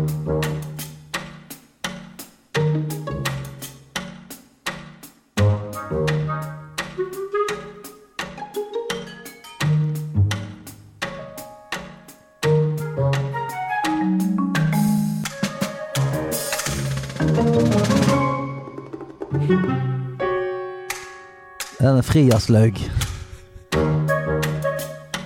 Det er ganske fett, da. Det er dritfett. Dette er mye mer moderne. Det hører dere jo. Ja, ja. Ja, jeg kan vel avsløre at vi skal fortsatt i Pokémon-universet. Hvor skal vi da? Pokémon Rescue. Rescue? Ja, hva heter det for noe? Det der er jo det du skal redde Pokémons ut av denne hulen. Å ja, det, ja! Ja, Ja, det, ja, det, Ja. Oi, shit! Det satt langt inne. Ja. Uh, rescue Mission eller sånn. ja så, Det- så det er ikke det, da. Nei, det er ikke det. Nei, det, er ikke det. Det, er ikke det. Det, er ikke det. Ja, det er ikke klassiske Pokémon Go, liksom. Nei, det er ikke det, men det er ikke dårlig tippa. det. kunne det faen vært. Mm. Eh, ok, vent litt nå. Jo, uh, vi skal til Unite. Oi, Pokémon Unite. også bra tippa. Det er ikke riktig. Dette er Pokémon Legends Arcus. Mm. Men, det er men sånn, det, det ene vertshuset i den ene Nei. regionen. Dette får du ganske ofte. Eh, Det er nemlig når du blir sett av en Pokémon. Du, du, katu, Som ser deg, istedenfor at du uh, Så det er som en sånn tips til deg. Sånn Oi, nå er det noen som har lyst til å angripe deg, liksom. Det begynner nå. Så må du sånn enten uh, gå inn i kampen, eller stikke, da, hvis du vil. Ok. Ok, oppfølgingsspørsmål her. Nok en gang, her er det mulig å gjette. Hvor mange forskjellige Pokémons er det å fange i Legends Arcus? Uh, og her kan jeg få et lite hint eh, fra, fra Septastic for å snevre det inn. Uh, det er flere enn Gen 1, Mm. men det er fortsatt langt fra å catche mål. Mm. 269. 269. Nice. Mm. Nice. 312. Ja. Det er 242, så det er, dette er jo Åh, det er overkjøring fra Stian Blipp. Hva har, hva har du å si til Nei, forsvar? altså, Pokémon ligger ikke altså. for undertegnede, rett og slett. Men dette er en av de vanskeligste som har vært. Nesten. Ja, og det var det den altså letteste var av de som var igjen å eh, velge mellom. Så det sier kanskje litt om Ja. de som er igjen i Septastic sin fy lydplanke. Ja, nå, er det, nå er det vanskelig, altså. Men nei, pappa pleide å si til meg Du er god på mange andre ting, du, gutten min. Eh, så det tenker jeg nå. Ja, Ja. ja men jeg føler meg helt uh, satt ut her nå. Har dere lyst til å gjette, da? Jeg, jeg, jeg, har- jeg har det. På fellesnevneren Ole- mellom Pokémon Stadium, mellom Pokémon Snap og Pokémon Legends Arcus. Hva er fellesnevneren her? Odin kan få begynne. Nei, vet du hva? Jeg aner ikke. Nei, og det er helt greit å si. Da er det ikke en mulighet til å få noen poeng der. Alle tre er Pokémon spin-offs. Det er helt riktig! Ja. Rett i nebbet! What the flunch? Ja, ja, ja, ja, ja. Wow! Det betyr bare én ting, det, Odin. Gå lydplanken! Gå ut nå! Jeg skal kjøre radioteater her! Kom igjen, hopp ut av lydplanken! Splash. Ja. Det er, det er så bra som vårt radioteater blir. Ja, Det blir ikke bedre. Nei, og det syns jeg er bra. det Har vi fått mer tilskudd? Hadde vi bare fått litt mer tilskudd. Det er egen spillstrategi. Kunne vi ansatt noen skuespillere. Nei, men jeg vant jo ikke den her eh, konkurransen akkurat, så Er det sånn politikk ja, ja, ja. Hvis, Har dere ikke lært det by now? Jo, jeg, har- jeg har hørt at sånn, hvis du spiller golf med sjefen, så la, han- la han vinne og sånt. Ikke sant? Ja, jeg glemte Ja. det. Jeg glemmer Ja. det alltid. Okay, da er Altså, det det var jo kjempestrategisk bommert, det som skjedde akkurat nå. Gå ut krenka fra en podkastinnspilling. Da er jeg ganske Det er det første vi må gjøre nå. Det er å få Odin til å skinne igjen. Åh. Well, actually, surely what you're saying is a balderdash of ox's feces, sausage tissue, urine talk. On, on the contrary, no, no, no, no. I'm back to differ! De nerde strides. Ja, de gjør ofte det, de nerde. Vi sendte jo deg en melding og skrev Har du en kontroversiell mening knytta til spill som du kan få lov til å melde her. Mm. Ja, da skal vi stå klar, vi, med brannslukningsapparatene. Ja, og det er jo Eventuelt bensin. Altså, utfordringen for en statssekretær er jo å prøve å ha en kontroversiell mening uten å legge seg ut med store deler av feltet. Ja, Ja, det er ja, det er sant. Eh, så det er jo noe jeg må tenke på, som ikke alle andre trenger å Ja, tenke på. Men det kan jo være din egen private personlige Det, Man Ja, det- blander jo ikke det- roller. Nei, ikke i det hele tatt. Nei. det, det å være private personlig har jo ingenting med rollen Nei, som statssekretær å gjøre. Spesielt Det- ikke når det kommer til gaming. Nei, det har vi sett i det siste. Ja, det, det har uh, Veldig lett lett si. å kombinere og ta av den hatten og si nå er jeg ikke statssekretær, men nå er jeg bare privatperson. Jeg pendler bare på privaten. Ja, det er deilig. Det er deg, nydelig. Nei, jeg har to kontroversielle meninger. Oi, oi, Og det ene er at jeg kunne godt tenke meg å avskaffe Freeplay. Oi! Ja, for det syns jeg Ja, er er noe tull. Ja, Det er tull. Og ryker Fortnite, da. Eh, Altså, nei, det er jo eh, lagbygging og eh, koordinering og innsats. Å ja. Og ikke nei, free det- to play? Nei, nei, Ah. altså det er jo typ eh, GTA Freeplay, liksom. Uten Uten oppdrag. Å, eh, sånn, ja. Altså, typ, ok. Det å bare Det er helt meningsløst å gå rundt og kibbe biler i en by og ikke gjøre noe klokt. Dette er faktisk mer kontroversielt enn jeg hadde trodd. Ja, for For det er jo Det, det her er bare del én av det okay, kontroversielle. Okay, ja, okay. For jeg må så- bare si, det er jo veldig mange som finner utrolig mye mening i å skape sin egen mening. Og bygge sine egne historier. Ja. Og bare få verktøyet. Ikke, ikke faen, sier Odin. Mer linært. Ja. Få det inn på en sti. Ikke tenk, ikke fantasi! Alt må inn på Ingen fantasi. Inn i trygge rammer. Ja, ja, ja. Du må inn i oppdrag. Må inn i oppdrag. Wow. Ja. Ok. ok Det var del én. Ikke, ikke bare gå og skyt noen. Få nå i hvert fall beskjeden først, da. Ja, Når du skal ja, skyte noen. Absolutt. Absolutt. Men altså, det hører med til historien da, at eh, i og med at jeg har en sønn på ti år, så s- er det jo mye Freeplay jeg driver med, liksom. Ja, men og hallo. Spiderman og eh, altså, Minecraft, alt da? han driver med. Det er jo ikke et mission. Nei, og der, jeg spiller jo ikke Minecraft. Å, så- shit. Statssekretæren vil avskaffe Minecraft! Du hørte det her først. Del to. Del to. Få høre del to. Del to. Uh. Hva er greia med gamingstoler? Nei! Det orker jeg ikke! Jeg orker ikke gamingstoler! Og så tenkte jeg skal du velge deg uvenner? Ok, velg stolbransjen. Greit. Eh, Uh, nei, jeg har okay. en sønn som ønsker seg gamingstol til jul, og det er meningsløst. Det er det er totalt meningsløst. Er så mange kloke måter og ting å sitte i. Gamingstol er ikke en av de. Okay, bare, bare, bare før, jeg, før jeg tar av meg hanskene, eh, hva mener du da er det, det gode alternativet? Altså, det fins hundrevis av de. Jeg nevnte en av de. En er altså en eh, helt regular couch med eh, benlen er eh, vesentlig bedre. Benlen, ja. Benlen, ja. Ja. Har du ikke hørt det, hvorfor? Jo, det var bare så nydelig dekadent. Ja, du har nemlig ikke benlen Nei, på denne gamingstolen. Jeg har det eh, hjemme, eh, og i min residens Ja, det har jeg benlen. Der har du Det er benlen. benlen, Ja. Men der har du gamingstol, da, med benlen. Ja, det er sant, er gamingstol, det. Med benlen. Mm. Men det er kontorstol, er det ergonomiske årsaker du tenker? Eller utseendemessig, eller hva er det? Al- Altså, Utseendemessig, ja. Eh, egner seg dårlig. Eh, Til? til å se pent ut i et eh, hjem. Ja. Eh, og så mener jeg at det er, det er mange enkle bruksmåter for eh, ordinære sofaer, stoler og eh, ulike lenstoler som funker vel så bra som en ganske ugly gamingstol. Du høres ut som min kone. Det er det du gjør. Ja. Du høres ut som en kone.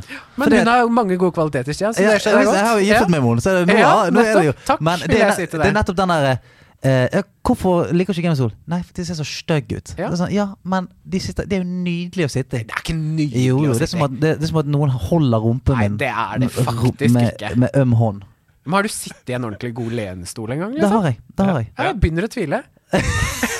Nei, men jeg, jeg, skal ikke, jeg, skal ikke, jeg skal ikke ta fra noe fra en god lenestol. Nei. Det skal jeg ikke. Men uh, når du sitter uh, Jeg er jo en, en kompetitiv uh, guttebass. Så når jeg sitter da og skal virkelig go to town på, på noen noobs, så da liker jeg å sitte som en utøver.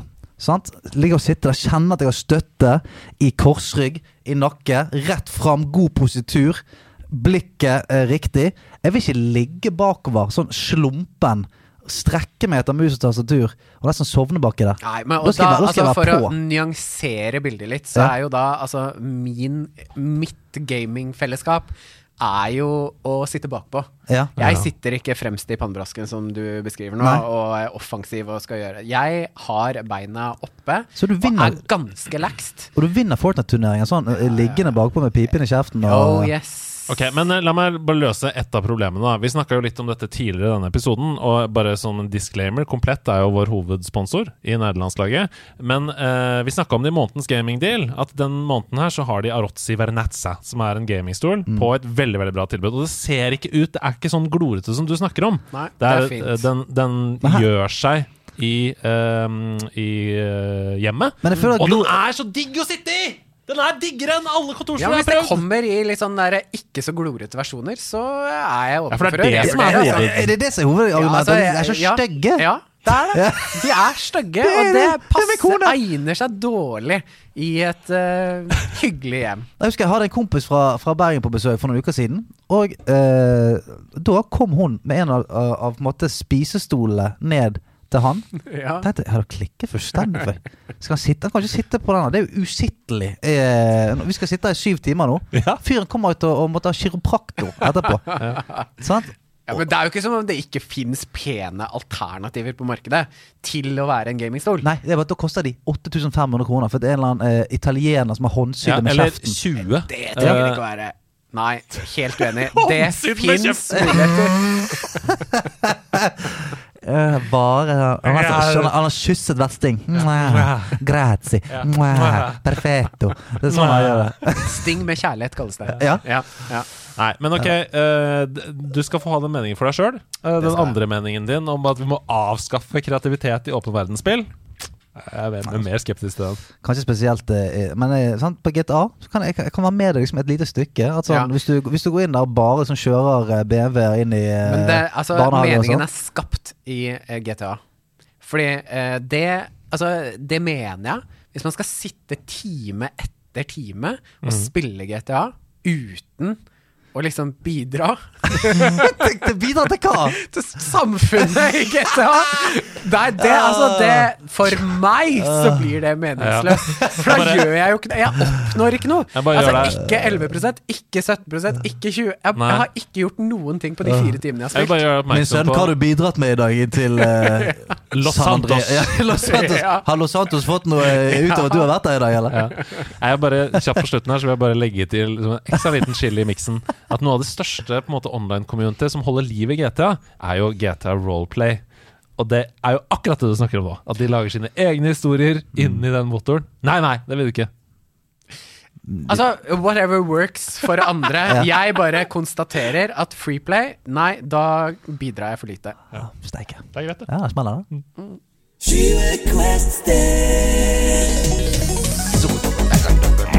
Det er så deilig Jeg tenker på et spill, jeg Og dere to, dere skal bruke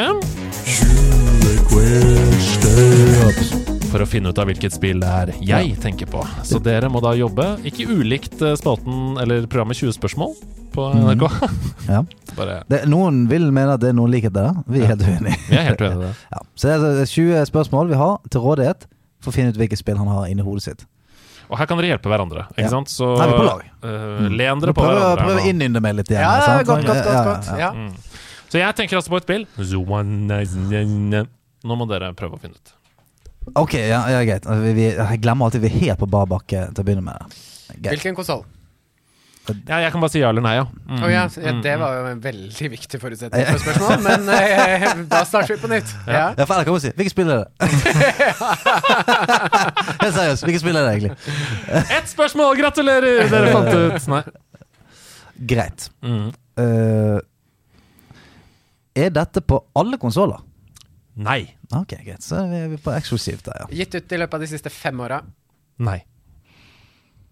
Ehm, snakker vi det som vil betegnes som Altså, hvis alt eldre enn 15 år er retro, er det da et retrospill? Ja. Ok. Er det eh, PlayStation? Nei. Uh, altså, det er ikke dumt å bare bli, for, for, bli ferdig med hvilken konsoll dette er. Uh, bruke et par spørsmål på det. Er det uh, Nintendo? Ja. Ok, greit. Så greit, da er det i hvert fall Det er som Super Nintendo, Nintendo eller Nintendo 64, da. Um, greit. Er det Er det med en av de mest kjente karakterene fra eh, Nintendo-universet? Ja. Det er det absolutt. Har det blitt gitt ut på nytt i nyere tid? Oi um, Altså, jeg vil si en remaster, HD-remaster, fucking anniversary Ja, edition. type en versjon, liksom. Ja. Du kan spille det samme spillet på noen moderne konsoller, tror jeg. Men det er ikke gitt ut. Altså, det er ikke det spillet. Er ikke remaster, Nei, ok. liksom. Ok, greit. Så da, da, det tar jeg vekk da eh, Super Mario 64, for Ja. det kom ut som anniversary edition. Um, ja. Er det Mm. uh, Er det laga en film av det? Oi! uh, nei. Ikke ennå, si. Den har ikke gått på kino, i hvert fall. Ok, En av de mest kjente karakterene i Nintendo-universet. Mario eller Donkey Kong. Mhm. Jeg tror det er nesten bare de som i hvert fall for 15 år siden kan sies å ha vært de mest kjente karakterene. Mario eh, Ja, ikke sant? For det er jo noen filmer på beddingene nå, uh, men da uh, er det ikke det. Nei, altså, vi ser bort ifra det. Ja. Jeg snakker om liksom cutscenes og sånne ting. Altså hvis Til den grad du kaller det film, som på en måte har blitt lagt på YouTube, så ja. Nei, nei, Men ja, ja, det er nei, ikke, det det ikke ikke lagd noe film av dette spillet. Er, er eh, hovedkarakteren i dette spillet er, er, er den i sin sitt, sitt vante spillunivers? Nei. Nei, ok, greit. Sånn, så- det blir litt villedende. Men nei. Ok. Er det Super Mario? Altså, er det Mario som er karakteren? Super Mario er i spillet. Ok, greit. Vi er på ti spørsmål. Det vil si at dere har ti, spill, ti, ti spørsmål igjen. Er det sport involvert? Uh, uh, ja. Det er raust å si, men okay. på en måte er det det, da. Ok. Satan. Et Mario-spill som Mario er med i, eh, ikke i sitt vant spillunivers.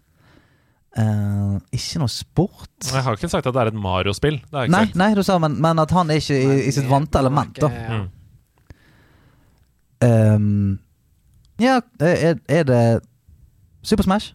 Det er Super Smash! Til Nintendo 64. Altså det aller, aller første Super Smash i serien! Vi klarte det sammen! Vi klarte det, Det oss to. Ja, det tok bare elleve spørsmål før dere knakk Ja. koden denne gangen. Super Smash! To av tre av bibliotekbanden. Oh yeah. Yes. Bibliotekbanden gikk sammen. Yes. Eh, Dette er jo senere da referert til som Smash Bros 64, eller bare Smash 64, da. Men det heter jo da Super Smash Bros, heter det, fra eh, 1999. Da var du 14 år. 14 år, ikke sant? Husker du noe av det? Spilte du hos venner eller sånn? Ja, ja, altså eh, Husker deler av det, Mhm. eh, men ikke det som har gjort mest inntrykk på meg. Nei. Og det er så vanskelig å si da, hva er hovedkarakteren? Nei, alle. Ja, ja, ja, ja, ja. Alle. jeg, jeg skjønte, jeg var, jeg var inne på det. Men hva mente du var sportdel? Slåssing.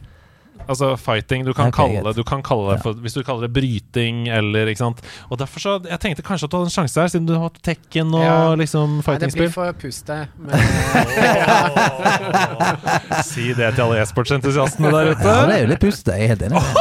Det Nei, men sånn slåssmessig Ja, Slåssmessig er det Ja, det er jo det jeg mener. Det er Ja. ikke Bare ingen som- hive folk ut i universet Nei, ja, men, og ja, men sprenge ingen som mister ryggraden og sånt der. Liksom. Det er ikke noe Du ser ikke hvordan kula går inn, liksom. Oi sann. Det er det du vil, da? Ok, du hørte det først her. Neida. Vi skal videre, vi. Og vi må svare på noen spørsmål. Den må være ganske full, tenker jeg. Ja, den er ganske full, men det er episoden også. Ja. Så vi har valgt ut oss noen kremspørsmål. Aller først så må jeg bare ta med eh, til Adrian, som spurte om tips til barna sine på Nintendo Switch forrige uke, som ligner på Astros Playroom. Mhm. Tenk at vi greide å glemme å si Kirby and the Forgotten Land. Ja. Det er en skam Det ligger jo i navnet. At jeg glemte Det er for, ja, det er forgotten land. Kirby Kirby and the. Forgotten Land er ja, Jeg mener 100 at Kirby and the Forgotten Land er det spillet som nå er på Switch, som ligner mest på Astros Playroom. Så hvis du hører på fortsatt, Adrian, hvis du ikke skrudde av etter Ja. forrige episode Fikk ingen svar, jeg. Jeg fikk ingen svar. Det var elendig. Eh, Bare Rayman og Nei, så uh, Kirby and the Forgotten Land. Det er klink ti av ti, det du spurte etter. Ok, da har jeg sagt det. Først og fremst, har du sett på Love IRL-programmet? Nei, det har jeg ikke. Nei. Det er veldig fint. For her er nemlig et spørsmål fra Gosh89. Nå som Love IRL er ferdig, hva syns dere om programmet? Sett eller ikke sett? Og da kan jo du på en måte sette opp litt hva programmet går på, for Odin Ja, altså, jeg, hadde bare en veldig merkelig opplevelse. Som på en måte forhøyde det programmet veldig hos meg. For det at, eh, vi har litt sånn uh, Trash Tuesdays uh, hjemme. Hvor vi ser på noen skikkelig trash-TV. Mm, Sitter i gode stoler, da. Ja, så det er hver vår, eh, hver vår eh, designerstol. Men um, da, da så vi først på Ex on the Beach. Ja. Og jeg husker begge to satt bare sånn Fy faen, så kjipe folk er med hverandre. Og jeg var sånn ja, vi, vi, vi, var, vi hadde denne 'er vi blitt gammel'-snakken. Sånn, er det sånn folk liksom preiker til hverandre? Og bare sånn Folk driver og sleiker hverandre i ræven og alt mulig på kamera. Og du bare sånn Hva er det som skjer her? Hva slags samfunn er det Ja, er det, ja. altså, hvis jeg hadde blitt singel nå, hadde jeg måttet gått ut og liksom eh, på første date bare så, kledd meg naken og, og shottet en Tequila med brystvorten. Hva, hva er det med må gjøre her? Og så neste, så, når den var ferdig, så var det sånn Next playing, Love IRL. Så begynte jeg å se på det. Så var det sånn Å, takk Gud! Takk fuckings Gud. Eh, så fint det var. Ja. Så ekte. Det handler jo om, eh, om folk som eh, har vært tilbrukt mye tid på nettet og alt mulig, som på en måte ikke har kommet seg ut på dating-scenen så mye, syns det er skummelt. Møter her en haug med likesinnede. Og det er så fint. Folk er så åpen og sår, og de møter hverandre, og den kjærligheten som på en måte foregår der eh, Altså Måten folk møter hverandre på, er så, det er så genuin og fin, da. Virkelig. Og det er mange gamer der inne.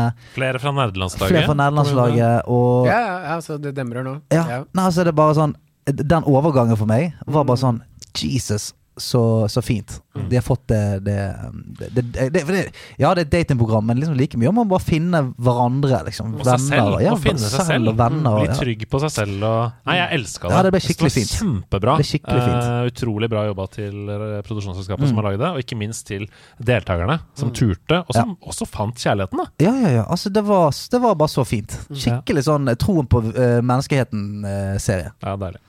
Joar, han spør eh, deg, han. Mm. Hvilket spillunivers ville du helst feira jul i? Odin? Hvis du Oi, måtte feire jul i et spillunivers?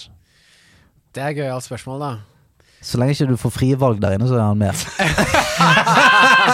Så lenge jeg sitter godt, så ja. Og det er et mission! Ja. Er sånn, Feir jul! Feir jul! ja, nå skal du lage mat. Ja. Ja, 10 completen. Pynt Ja. tre! Eh, nei, altså Jeg syns jo julefeiringa i del én av Spiderman er veldig hyggelig. Ja! Miles Morales der? Yes, Ja, ja, ja. Miles Morales. Å, den er Eh, veldig koselig, ja. Den er det. Ja. Den, altså, det å leite i den platesamlinga etter god julemusikk, liksom. Ja. Der eh, Jeg tror jeg hadde glidd rett inn der. Og den New York eh, rundt juletider òg. Mm. Det sånn jævla koselig. Står det folk og synger Jingle Bells på hjørnet der, Ja. og ja, det er Mm. hyggelig. Ja, jeg, Det syns jeg er hyggelig. jeg sier det samme. Jeg spilte Miles Morales rundt juletider da det kom, og det, var, det hjalp meg Altså, det, jeg fikk julestemning av det. Få- Fått litt julekostyme til katten og Ja, det er deilig. Ellers så hadde jeg Jeg trodde kanskje du skulle si Fortnite, for det er jo ofte et sånt univers som er sånn events, og det skjer, ja. det skjer ting og sånn. Um, noe sånn heftige greier som pågår der om dagen. Ny season. Ja. Ja, altså det som er Det er jo litt sånn pes for uh, mennesker som liker det vant og godt Mm. og hoppe inn og sånn som det alltid har vært-aktig. Ja. Uh, så eh, ja, eh, jeg tenker at det er eh, Hyggelig, det. fordeler og ulemper Ja, ved eh, å stadig utvikle seg. Eh, også til å bli sånn eventsprega, enten det er halloween eller Christmas Mm. eller ja. Og så har jo det Det har uppet uh, kvaliteten. De har benyttet seg av Unreal 5,1 engine Oi. nå. Sant? Så nå, nå ser det ganske bra ut, da. Patch på sånn 200 giga, eller hva er det? Å, nei, jeg har ikke det ennå. Ok, Lars han spør deg, han. Ja. Eh, du får penger av staten, Takk. eller Odin, da. Å, det er veldig hyggelig. Tusen Ja, hjertelig. til å designe ditt helt eget spill. Oi. Å, nå trodde jeg det var møbel. Uh, du oppgraderer møbelparken hjemme.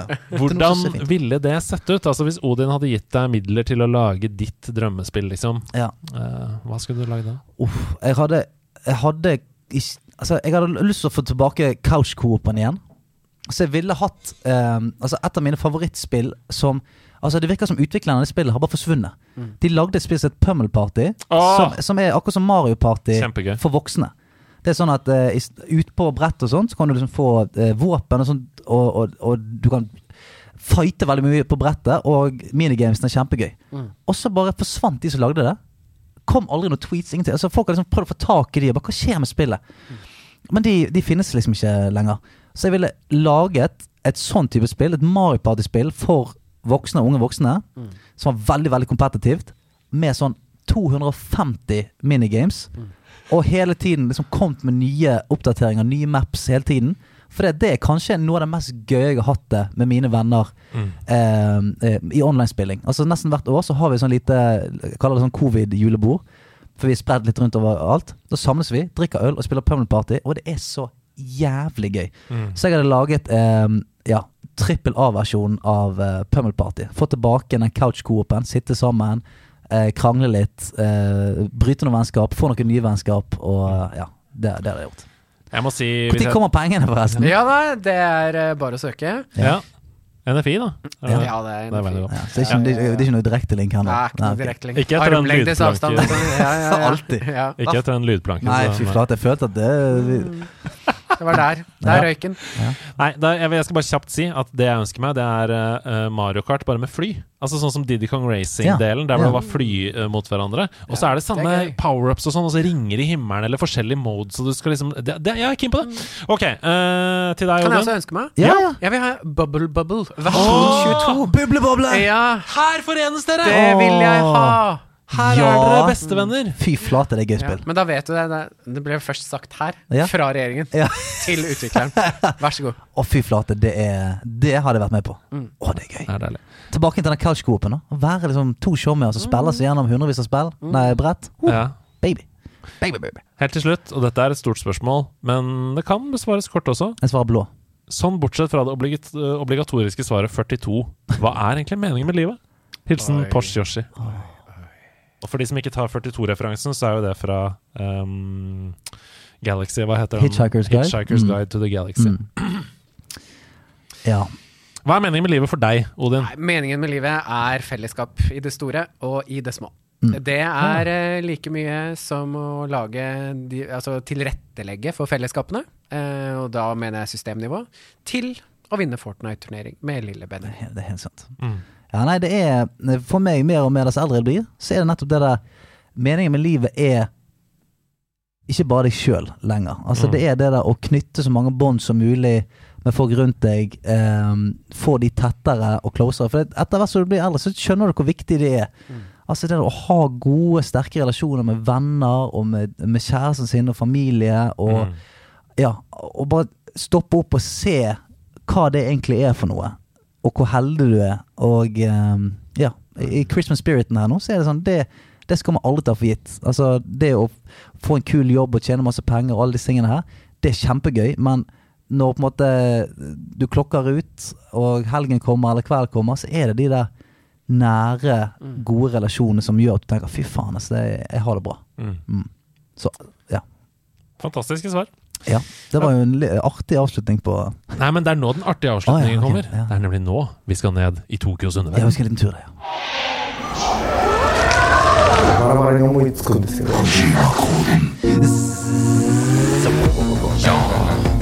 Ja, ok, quizen har gått dårlig hittil i dag, men klarer de å få det til når de slår hodene sammen? Ja, det tror jeg.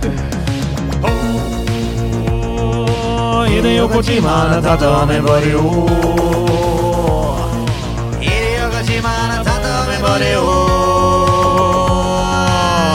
Kojima,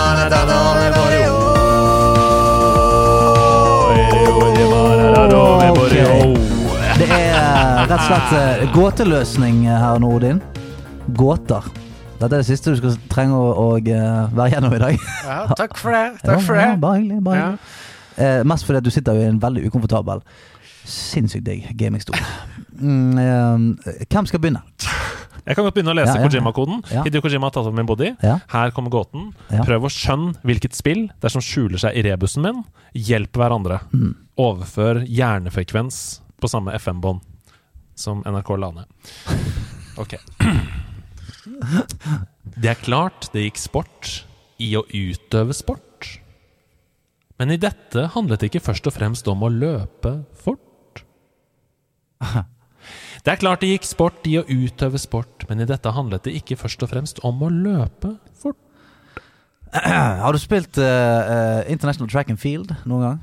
Nei. Det var jo et spill uh, som gikk som en farsott uh, i kompisgjengen min, i hvert fall. Eh, som var et slags friidrettsstevne. Der du løpte, du hoppet, du til og med var noe eh, stavhopp, sleggekast, alt mulig. Og nesten alt handlet om å trykke, trykke jævlig fort på rundingen og firkanten, så fort de kunne. Og folk eh, eh, lagde sånne teknikker der de gnisset én fing mellom begge, og noen låste ned kontrollene på gulvet, som, eh, så, så, ja, litt sånn overivrig politimann og sånt, og, og gnikket.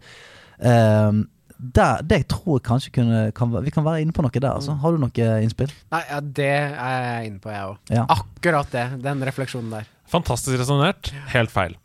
Her er andre vers. Her får man ingenting. Altså. Ingenting gratis. Her er andre vers. Ja. Um, og legg merke til, det er klart det gikk sport i å utøve sport, Ja. kanskje på denne tiden. da, ikke sant? Våre venner i soppriket utøvet sporten. Her var ikke Ivo Caprino. I årets spillet så dagens lys så vi The Gladiator på kino. Våre venner i soppriket utøvet sporten. Her var ikke Ivo Caprino. I årets spillet så dagens lys så så vi The Gladiator på kino. Ja, sant. Her var ikke Ivo Caprino Er det et slags hint til at det var et eller annet som også var i Flåklypa-spillet? Nei, det skal bare rime på kino. Så Misvisende ting i gåten. Madonna hadde ikke Hvorfor har du det med? Ja. Nei, Ikke spør meg, spør Hidio Kojima, Ja, han som har tatt om min body. ja. Mm. Våre venner i soppriket, altså. Utøvet sporten. Hvor skal vi da? Ja, da skal vi til Mario, Ja. selvfølgelig. Og Det handler ikke om løping. Nei, nei, det kan handle om alt fuckings annet. da. Eh, handler ikke om Hva var, eh, hva var setningen? Handler ikke om Det handlet ikke først og fremst om, å løpe, fort. fort. Men Og så året spilles dagens lys, så så vi The Gladiator på 2000? 2000? 2000? 2000? 2003? 2000? Mm. Mm, ja. Jeg trenger en sport. Jeg trenger et sportsspill. Eh, Ja. Mario Tennis. Det er helt riktig! Oi, oi, oi, oi, oi. Det er helt rått! Ja visst er det rått. Første tipp! What?!